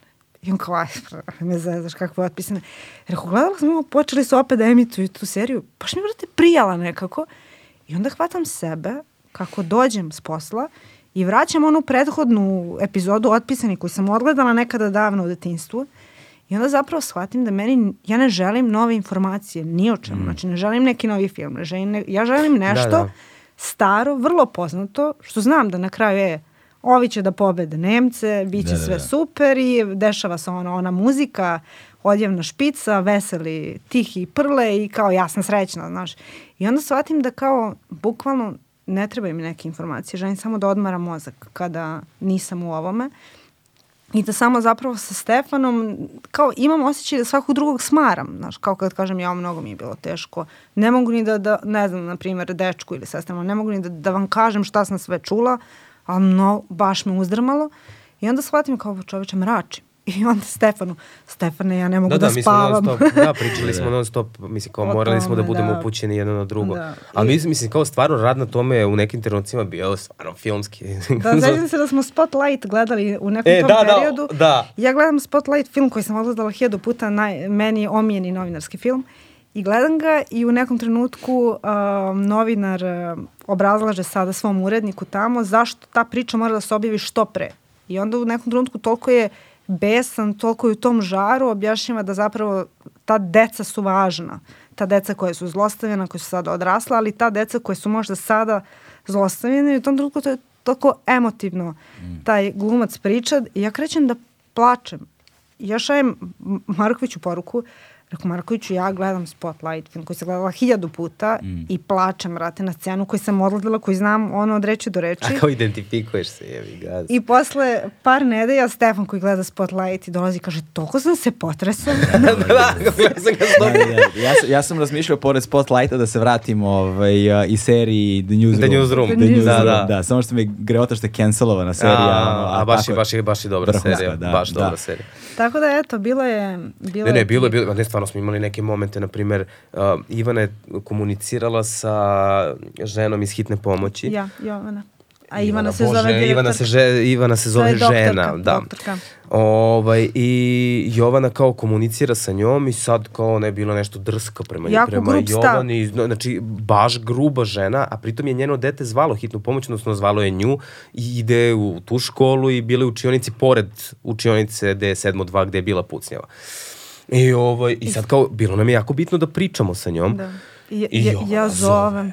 Jovana nervozna, kao jedva se smirila, kao žena je svašta rekla. Ja, ja izlazim da obavim taj razgovor van kancelarije da smo svi mi gde je gužva, onako počinjem razgovor na najfinije moguće poštovanje, ja sam ta i ta, radimo to i to. Žena onako jako grubo odgovara, jako grubo se završava taj, taj razgovor i ja ulazim totalno Ali su se izmestila. dogovorile, ono što je najbitnije, dogovorile su se da popiju da, piće. Kao, da je ona pozove kao da. ako bude našla vremena i ako žele. Ona neće da priča kao to je za nju glupost, mi eksploatišemo roditelje, Tako je. nemam pojma nije Doktorka Ivana je bila u fazonu, vi uh, radite ovo prerano, Da. I vi samo čačkate rane tih ljudi i nemojte to da radite, ja ne želim u tome da učestvujem i vi uh, u suštini iskorišćavate tugu tih ljudi. I sad, ajde da je ona to rekla na neki nežniji način, ja bi to možda malo manje, ovaj, malo manje bi me pogodilo, ali ona je to rekla na jako grub način. Ipak je to hitna pomoć, znaš. Da, da, svašta oni, svašta oni vide. Ono. I sad ti, znaš, ono, bude raznih uh, razgovora sa raznim ljudima, svačega se ti naslušaš uh, kad radiš ovaj e, posao, ali kao tako nešto, znaš što, kao nije okej, okay, ja bi prekinula taj razgovor, želim da, da vodim takav razgovor, neprijatno je pre svega, Ali ja shvatam koliko je ona nama bitna. Znači ja moram da dobijem tu sagovornicu. I ja nju kažem ako očigledno smo se pogrešno razumele, tako dajte molim vas da popijemo kafu. Da. Znači da. da vi nas upoznate, da vi čujete šta mi radimo. Ne znam, ne znam, ako budem imala vremena, zovite me u ponedeljak, na primer i ja spuštam slušalicu, ulazim u kancelariju. Ja ne mogu, ova žena, kako je ova reakcija. Ali, ali, ali polako, polako. Ona, ona na kraju pozove Jovanu. Ej, kaže kao da dođemo. Ja tamo ono, ugrejao pasolje da jedem. I Jovana kaže, moramo, rekla, imamo, imam, ima samo sat vremena, moramo do hitne pomoći do nje. I ja kao, stavim ono, odemo, mi sad sa njom ono, na, kao, ba, da, da, da. Ba, kao super smo se skontali da. na kraju. Mislim, da, Shvati žena šta radimo i pristane da, da, ne, ne, su, da da žena je super. Žena je I super. ovaj, mnogo smo se smejali. Čekaj, to onaj razgovor uh, kada čerka ili ko već tako kaže, je. kaže ne, poz, poz, dobili smo. Tako da, je, da, tako da, je. Tako. Poziv je poziv primljen. primljen. Poziv je primljen. Poziv, da. jo, kako da. je to užasan jest, trenutak je. Jest. Da, da, da, da. I ovaj, um, doktorka Ivana je nama mnogo značila jer ona je bila uh, majka, zabrinuta majka koja u tom trenutku kao samo želi da vidi svoje dete, da, da se uveri da je ono dobro. S druge strane, to je neko ko je došao na, na mesto zločina, ko je tu da, da pre pomogne. svega da pomogne. I onda ono kad ona kaže kao, ja znam da je moje dete tamo negde dobro, ali kao nije, nije ga videla, ali ona je krenula da jel, pomaže toj drugoj deci. Mm -hmm. I to njeno svedočanstvo je jako bitno i meni je jako drago što je ona pristala da priča I znam da kao kad smo obavili taj intervju s njom, uh, zezali smo se kao, ja sam, ja sam bila u fazonu, ja, da, da vi niste nama toliko bili važni, ja vas nikad više ne bih pozvala. Yeah. I onda je znala, pa dobro, rekla je kao, pa dobro, ali ti si bila uporna. Evo ja znam da budem i dobra i kao znam da budem i gruba. I onda kada, kada je oslušala podcast, sećam se, ja sam joj poslala i kao molim vas javite kako vam se čini, jako nam znači da, da čujemo vaše mišljenje. I onda je ona nešto napisala kao hvala puno, ja sam rekao kao ajde da pijemo i kafu neki dan i ona kao Uh, hvala puno draga Jovana ili tako nešto je napisala i ja šaljem Stefanu screenshot rekao dug je put od onog razgovora do Draga Jovana, ali kao isplatilo se. Ali kao bilo je, bilo je tu, bilo je tu stvarno situacije kao te jurnjave, to kao ovi mogu sad, ovi, s ovima možemo tamo, idemo kolima, Tako. gde ćemo, kako ćemo, znaš, kao da. ba, baš su bile neke situacije koje su da. skroz bile filmske, gde ono, ne, ne možda se pohvataš, znaš, kao gde si, ni, ni gde si, ni šta si, ni koje vreme, znaš, kao kad ćeš ti da odeš, što ti kažem, znaš, kao bukvalno više puta sam bio do 2-3 ujutru u studiju, što je stvarno vreme kad baš spavam. ja, ja se sećam, bilo je tih različ, različitih izazov, izazovnih situacija, ali situacija kad vraćam se sada na taj razgovor sa roditeljima koji su izgubili oba deteta, gde mi odlazimo kod njih, dogovorili smo se, čuli smo se sa uh, Sašom, to je a ti, otac. A ti ne možeš da veruješ, znaš, kao taj prizor, mi ulazimo, to je ogromno, oni su kao malo imućnija porodica, da. i ogromno onako kuća, ogromno dvorište, ja kao parkiravam kola, sve prelepo, I, ovaj, sve sređeno, da, da, da, da, da. dvorište. I, i, ovaj, i samo vidim Zoricu, tu majku ubijene dece, kako prostire veš, ono, samo crne stvari, crna garderoba, da. ti ne znaš kao, kao ono crne zastave, te znaš kao baš je, baš, baš mi je bio onako težak taj, taj trenutak. Izlazi otac koji nas dočekuje, uvodi nas u kuću, mi sad krećemo da pričamo sa njima, Majka je jako besna, Zorica je... Ovaj... Da, ona ne gleda u nas, ona ne. gleda u zid, priča s nama, ali onako, znači, jako besno. Besno, besno, ba, ba, Sve što je besno. imala ona je za medije nekada rekla, nema što ona više priča za medije. Mi skuvali kafu ovaj, i mi kao ja da vadim opremu, znaš, kao iz ranca, krećem da postavljam opremu, ona kaže, a šta, vi hoćete da snimate? I ja kao, pa da, sa Sašom smo se dogovorili. Ma što se mene tiče, ja neću da me snimate, kao Saša ako hoće neka priča. Saša kaže, pa neću ni ja. Mi kao, okej, okay, u da, redu. Ja kao, ajde da popijemo kafu. Da, kao, nema insistiranja. I nikad nismo insistirali, to stvarno, mislim, kao, to, to, to, nam, to nam je bilo pravilo isto od početka. Ali kao, popijemo kafu i idemo. Ne, ne, ne, nema problema. Međutim, onda u nekom trenutku Saša rekao, ma dobro, možemo da snimamo krenuo je da priča, onda se uključila i sama Zorica, tako da smo snimili intervju, ali to je bilo jedan od najtežih intervjua, jer izgubili su oba deteta, a, sve se desilo na 200 metara od, od njihove kuće, da. to, to je prosto... Sine, sina i čerku. Sina i čerku, da. Čerku, da. I svuda okolo u toj prostoriji u njihovoj kući su slike između ta dva, između njihove dece jako mala razlika u godinama. Da I oni su praktično onako od, od malena, zajedno. mislim zajedno. Zajedno, da. I sad ti vidiš te slike od ono, od kad su bebe praktično. Uh, vidiš ih na svakoj slici su zajedno, onako prelepi, mladi, smeju se. I sad sve ono dobije i, i neku boju kad oni to pričaju. To je, to je na primjer, jedin intervju gde ja nisam mogla da izdržim. Znači, suza je kanula da. u tom se, intervju. Kao smejali smo se posle u kolima, pošto dok smo bili tamo malo Orši i Dubona, na terenu, mi smo non stop, ja ne znam, u jednom danu smo prešli 50 i nešto kilometra samo između ta dva sela, jer smo išli tap, tap, tap, tap. I, ove, ali sve vreme snimam kao u kolima. Snimač uključen, kao i snimamo, kao možda nešto izleti iz razgovora, da, kao što da. bi, da. da, što bi bilo možda zanimljivo za podcast. I, ovaj, i mi sad kao snimamo to i, i ona kaže, kanula mi je suza, ali na ovo drugo oko gde me nisu videli. da, da, da, da, da. Zato što su bili okrenuti tu, ja sam sedela, vodila beleške ovako i sad počinje intervju, užasno strašno, kad znaš s kim pričaš i šta su ti ljudi doživali. Sad ne sećam se ni šta je bila rečenica i šta je mm. bilo to. Uglavnom oni kreću i ja shvatam s kim bre ja pričam, znaš kao šta ja sad slušam tu. I samo pune mi se oči suzama i ja samo kao ne, ne, ne, nikako da trepneš, nikako da trepneš i samo pa sklizne ovako, ali sklizne na ovo oko i ja samo ovako sa hemijskom to to da. Šta, i nastavimo dalje. Najgore, Čisto da ne bi njih poremetila. Najgore u, u radu na, na, na tome je što, znaš, kao previše tuge u premalo vremena. Tako. Jer kao ti stvarno ono procesuiraš i ne, mislim ti baš moraš da budeš psihopat da nemaš empatije prema tim ljudima mm. i kao ti mm. ono kao sve vreme znaš kao razmišljaš o tome dok razgovaraš još s njima kao ti razmišljaš a šta da se meni to desilo. Da, a, koliko sati sirovog materijala ste na kraju imali? E, to ste mnogo, mnogo. Sva, pa pazi, svaki intervju je trajao između sat i po i dva i po sata. Ma i do tri je bilo. Nije, nije, dva nije. i, ne, dva i četrdest je najduži intervju, a ima ih mnogo, mnogo. Mi samo iz tih kola imamo 4,5 sata. Mislim, kao koristili smo 10 sekundi. Da. Mnogo, mnogo, mnogo. Pa to je, to je bilo ono, Da, kao i- izazovno a, koliko, da. šta ćemo da sečemo, koliko, kao koliko da, I, da se I uklo- razgovarali smo i sa više stručnjaka nego što smo ih na kraju Da, koristili. na kraju nismo ni koristili sve, da. Ovaj, I onda i to, a opet i to je mo- moralo se pregleda da tu nema nešto... Mislim, bilo je tu, u svakom intervju smo mi čuli super stvari, ali opet ne, Da. ne može sve Pitanje, da uđe. jesu li, jeste li slali to fact checkerima? To je bilo... Ne, nismo stali, a, to, to smo sa urednikom radili, ovaj, ali, ali to nam je negde za nauk sad ovaj, sledeću Mora. sezonu koju radimo šalje, sla, slaćemo fact checkerima. Da. Slaćemo, jer Slali meni je smo bilo, advokatu. Meni je bilo, da, da, to je prošlo ovaj, to kao advokata da vidimo kao da li je nešto utuživo ili nije, pa onda kao u skladu sa tim da radimo.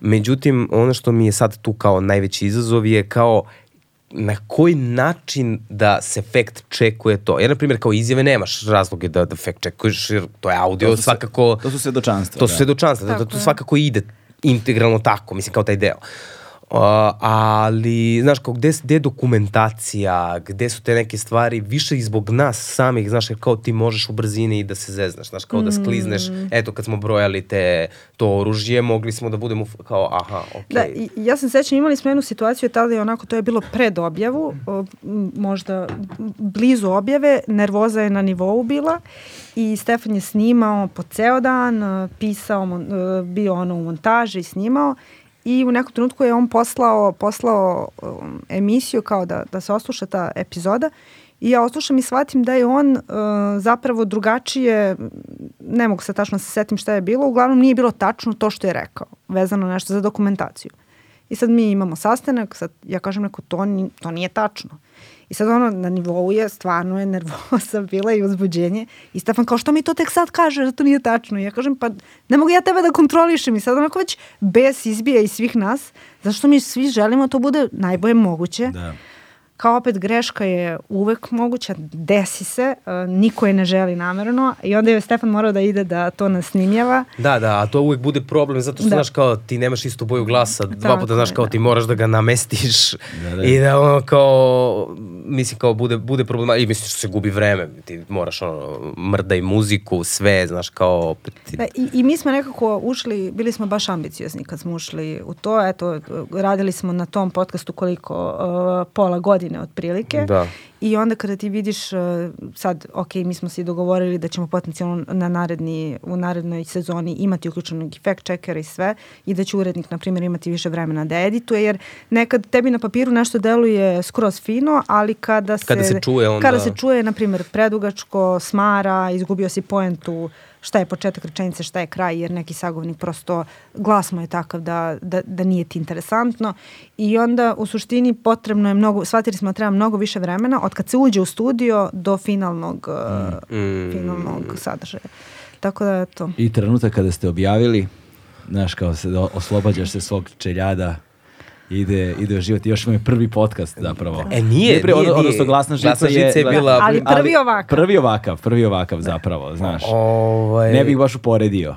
A dobro, i up- uporediva je zato što je ona narativna, kao samo su kraće epizode i traje, traje 20 minuta. I tematika je Tematika je malo drugačija, kao, na, na, znaš, Ne kao kad kažeš puno. javne pare, to deluje dosadno, užasno dosadno, a zapravo nije, mislim, kao, bukvalno je bilo kao ono, a, imamo epizodu koja se bavi zoološkim vrtom, znaš, kao, gde je bilo ono, ona fotografija a, Jelena Medenka iz zoološkog vrta u Boru je procurila, ne znam da li znaš to, ono, kao bio mršavi jelen. nešto. Mršavi jelen. A, Kao da se, su mediji nešto se, prošle onaj godine. to- papaga je jako čudnog izgleda. kao bez, bez perija, se, sećam. papage nekara i, ovaj, i ja odem, bukvalno sam u dva dana obišao četiri zoološka vrta u Srbiji i tamo sam putovao, išao i razgovarao s ljudima. I onda, znaš, kao, zanimljivo je zato što imaš te neke zvukove, kao ono, kao pa hrani ova žena iz zoološkog vrta. ali, ali ne bih... Ni, nije, nije ovako. Znaš, nije, nije ti uzelo šest meseci života. ne, ne, ne, ne, ne, ne, razumeš? ne, ne, ne, ne, ne, nema drugačije. Jer, Mislim, nije, mi smo- jer ne, znaš, ne odvajam se ni ja isto od materijala koji sam ono snimio i pustio, Da. znaš, ovaj, ili koji imam kontinuirani rad sa različitim epizodama i onda Jest. negde navikneš, to ti bude negde rutina Da.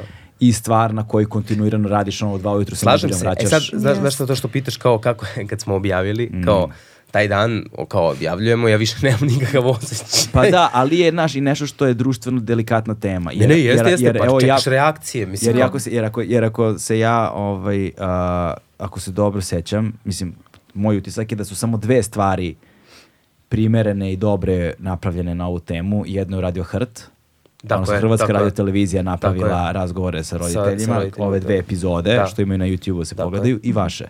Da.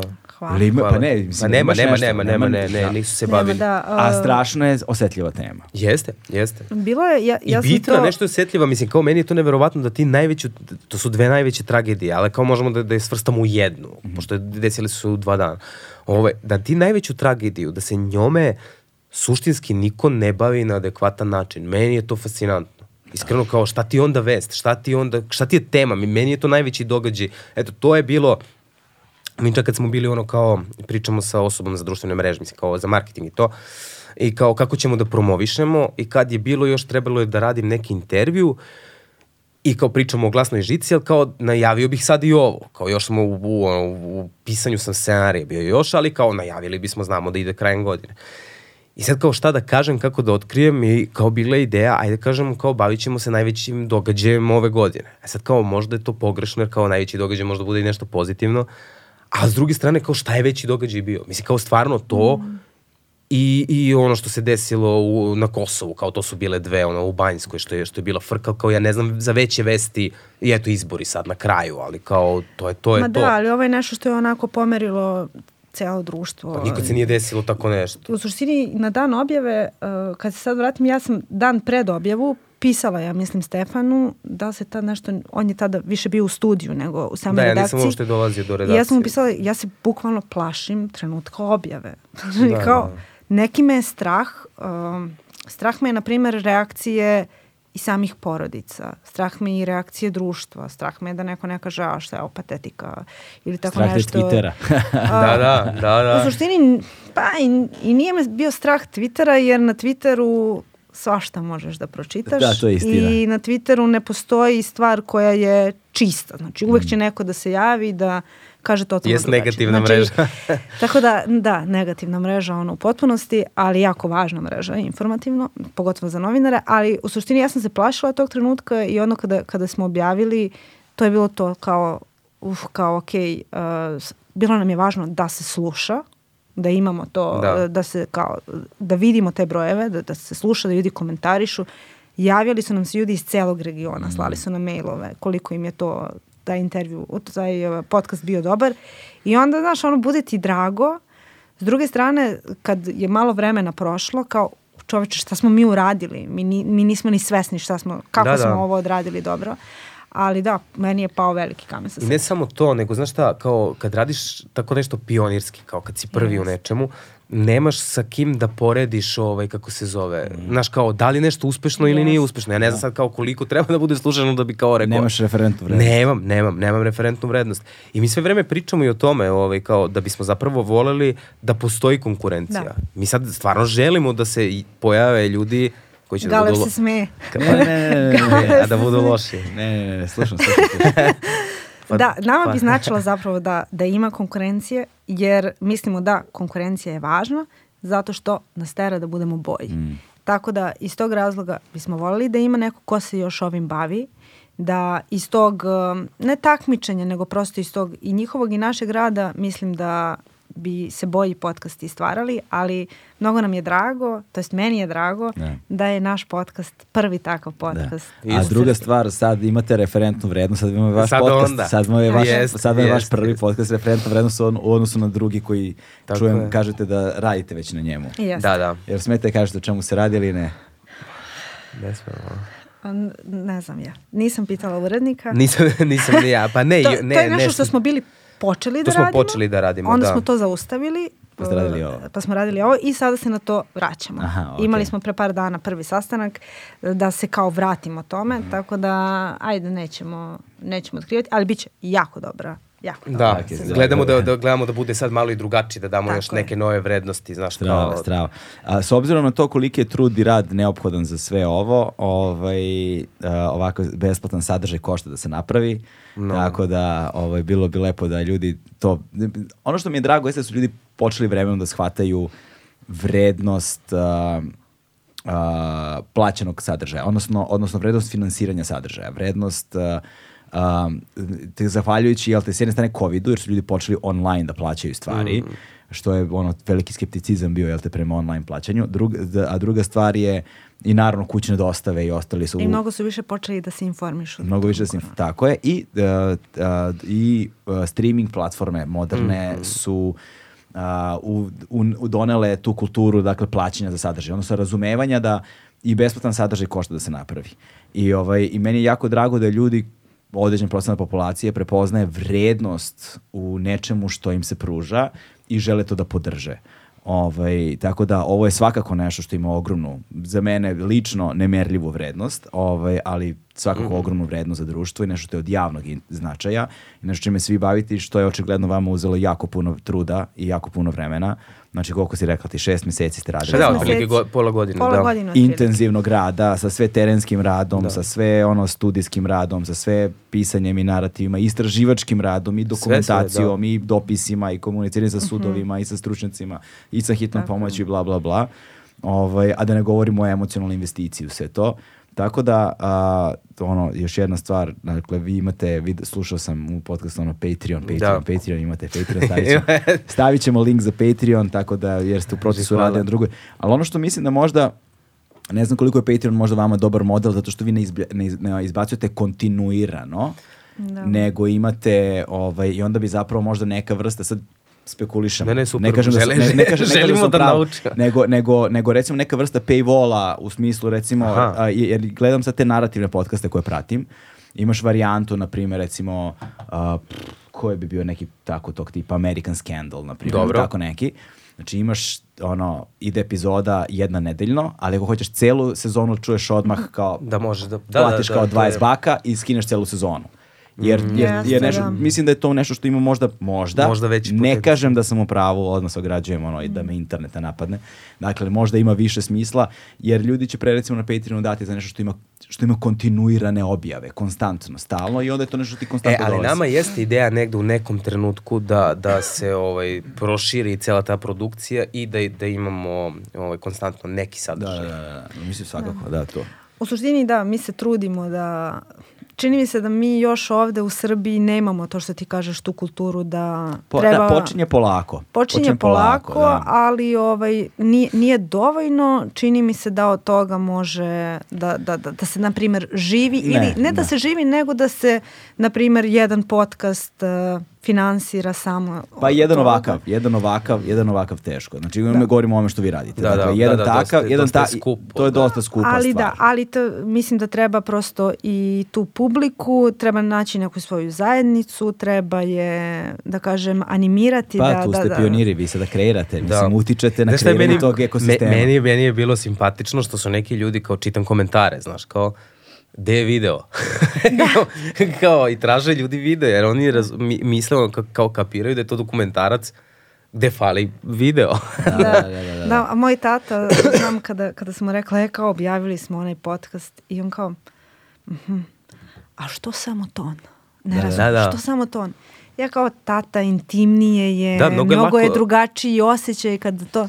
Mnogo je lako Ma, da ma, objasniš treba ljudima u video. suštini zašto. Mislim, kao, Ali, ali kao neko ko je radi obe stvari u Da. životu, a, odmah ću vam reći da potpuno drugačiji u stvar do, ali to je nešto što nije fizički opipljivo, Mm. ali nešto što definitivno se strahovito oseti. Prvo, intimnost da. audio Intimnost, pa zvuka da, je, pa da. je van, van presedana. Potpuno, znači, to je ne, nemerljivo.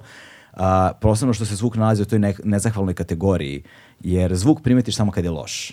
Da. Kad je dobar, nikoga ne primeti. Jeste, to znači jeste. da je zvuk dobar. Jeste, znaš, da. jeste, jeste, jeste, Ovaj, kada jeste. slika puca, ljudi izađu iz bioskopa, ono su wow, kakva slika, ali kada je zvuk, lo, zvuk primetiš samo kad je loš. Jest. Ovaj, I zato ima nezahvalnu poziciju, iako tvrdim da je značajniji od slike. A druga stvar ovaj, jeste, potpuno drugu stvar dobiješ kad uđeš ljudima u kuću s kamerom. Nego kad uđeš ljudima u kuću apsolutno. i samo sa mikrofonom. Nama su Znači, i u malo moraš i Duboni čak i tražili, kao, nećemo da, da, se, da se slikamo i snimamo, to da znate. Da. Kao, znaš, kao ljudima znači to, i, pa i, i generalno, i da, i, nem, i da nemaju problem sa kamerama, znaš kao, mnogo je ovo manje invazivno. Da, ne, znaš, znaš, još, još kada je kamera, onda još kad se pojavi i ono tonac sa, sa da, ovaj, da, da, da, da, da, da, da, da, da, da, da, da, da, da, opusti se. A? Još kad su dve kamere i kad imaš onaj rasvetu i zilbu i sve i onda brate. I, i mislim da, da je za ovakvu temu, za, o, za konkretno Ribnikar i za Dubonu uh, Malo Orašje, mnogo bolji bio Pristup, odabir da. podcast, zato Jest. što suština je sačuvana, video bi dao možda iskrenuo gledaocima pažnju na neke nebitne stvari, na primjer kako ko izgleda, kako Ma je da. to. A ovde ti čuješ glas, ti čuješ čisto emociju osobe koja priča, ti osetiš kako se ona u tom trenutku, osetiš njegovu neizvesnost dok traži i čeka informaciju gde mu je dete. Ne samo to, nego što Osetiš ti ako- uh, njegov slom u trenutku kad mu kažu, osetiš to beznađe kad on izađe iz ti kad se vratiš na taj stanice, 3. gde maj, će, šta će. ti kad, kad gledaš kao, kad slušaš tu epizodu 3. maj, ovaj, ti bukvalno možeš da zamisliš kao i tu školu i te ljude koji trči tu gužvu, a to ne bi mogo da postigneš dokumentarcem osim ako ne praviš nekakvu rekonstrukciju, u smislu Da. da, kao glumci Dramatizaciju, dramatizaciju da. tako Da, je, da, tako je. da. Što ovde, znaš, kao ovde ti je zahvalni u tom, u tom smislu. Jeste, ovde se nalaziš sa publikom na pola puta. Da, da. Jeste. jer i oni moraju aktivno da učestvuju u tome. Znaš, Tako je. Znaš, tako da eto. Ovaj, hvala vam puno. Hvala, Hvala tebi. tebi. Hvala vam puno, ovaj, drago mi je e, što radite to što radite, sa zadovoljstvom pratim i slušam ovaj, i nadam se da će i publika to da prepozna u većoj meri nego što jeste do sada i samo napred. To Hvala je to. Slušajte tragove na svim podcast platformama, linkovi su u pinovanom komentaru. To je to. Ćao. Ćao. Ćao.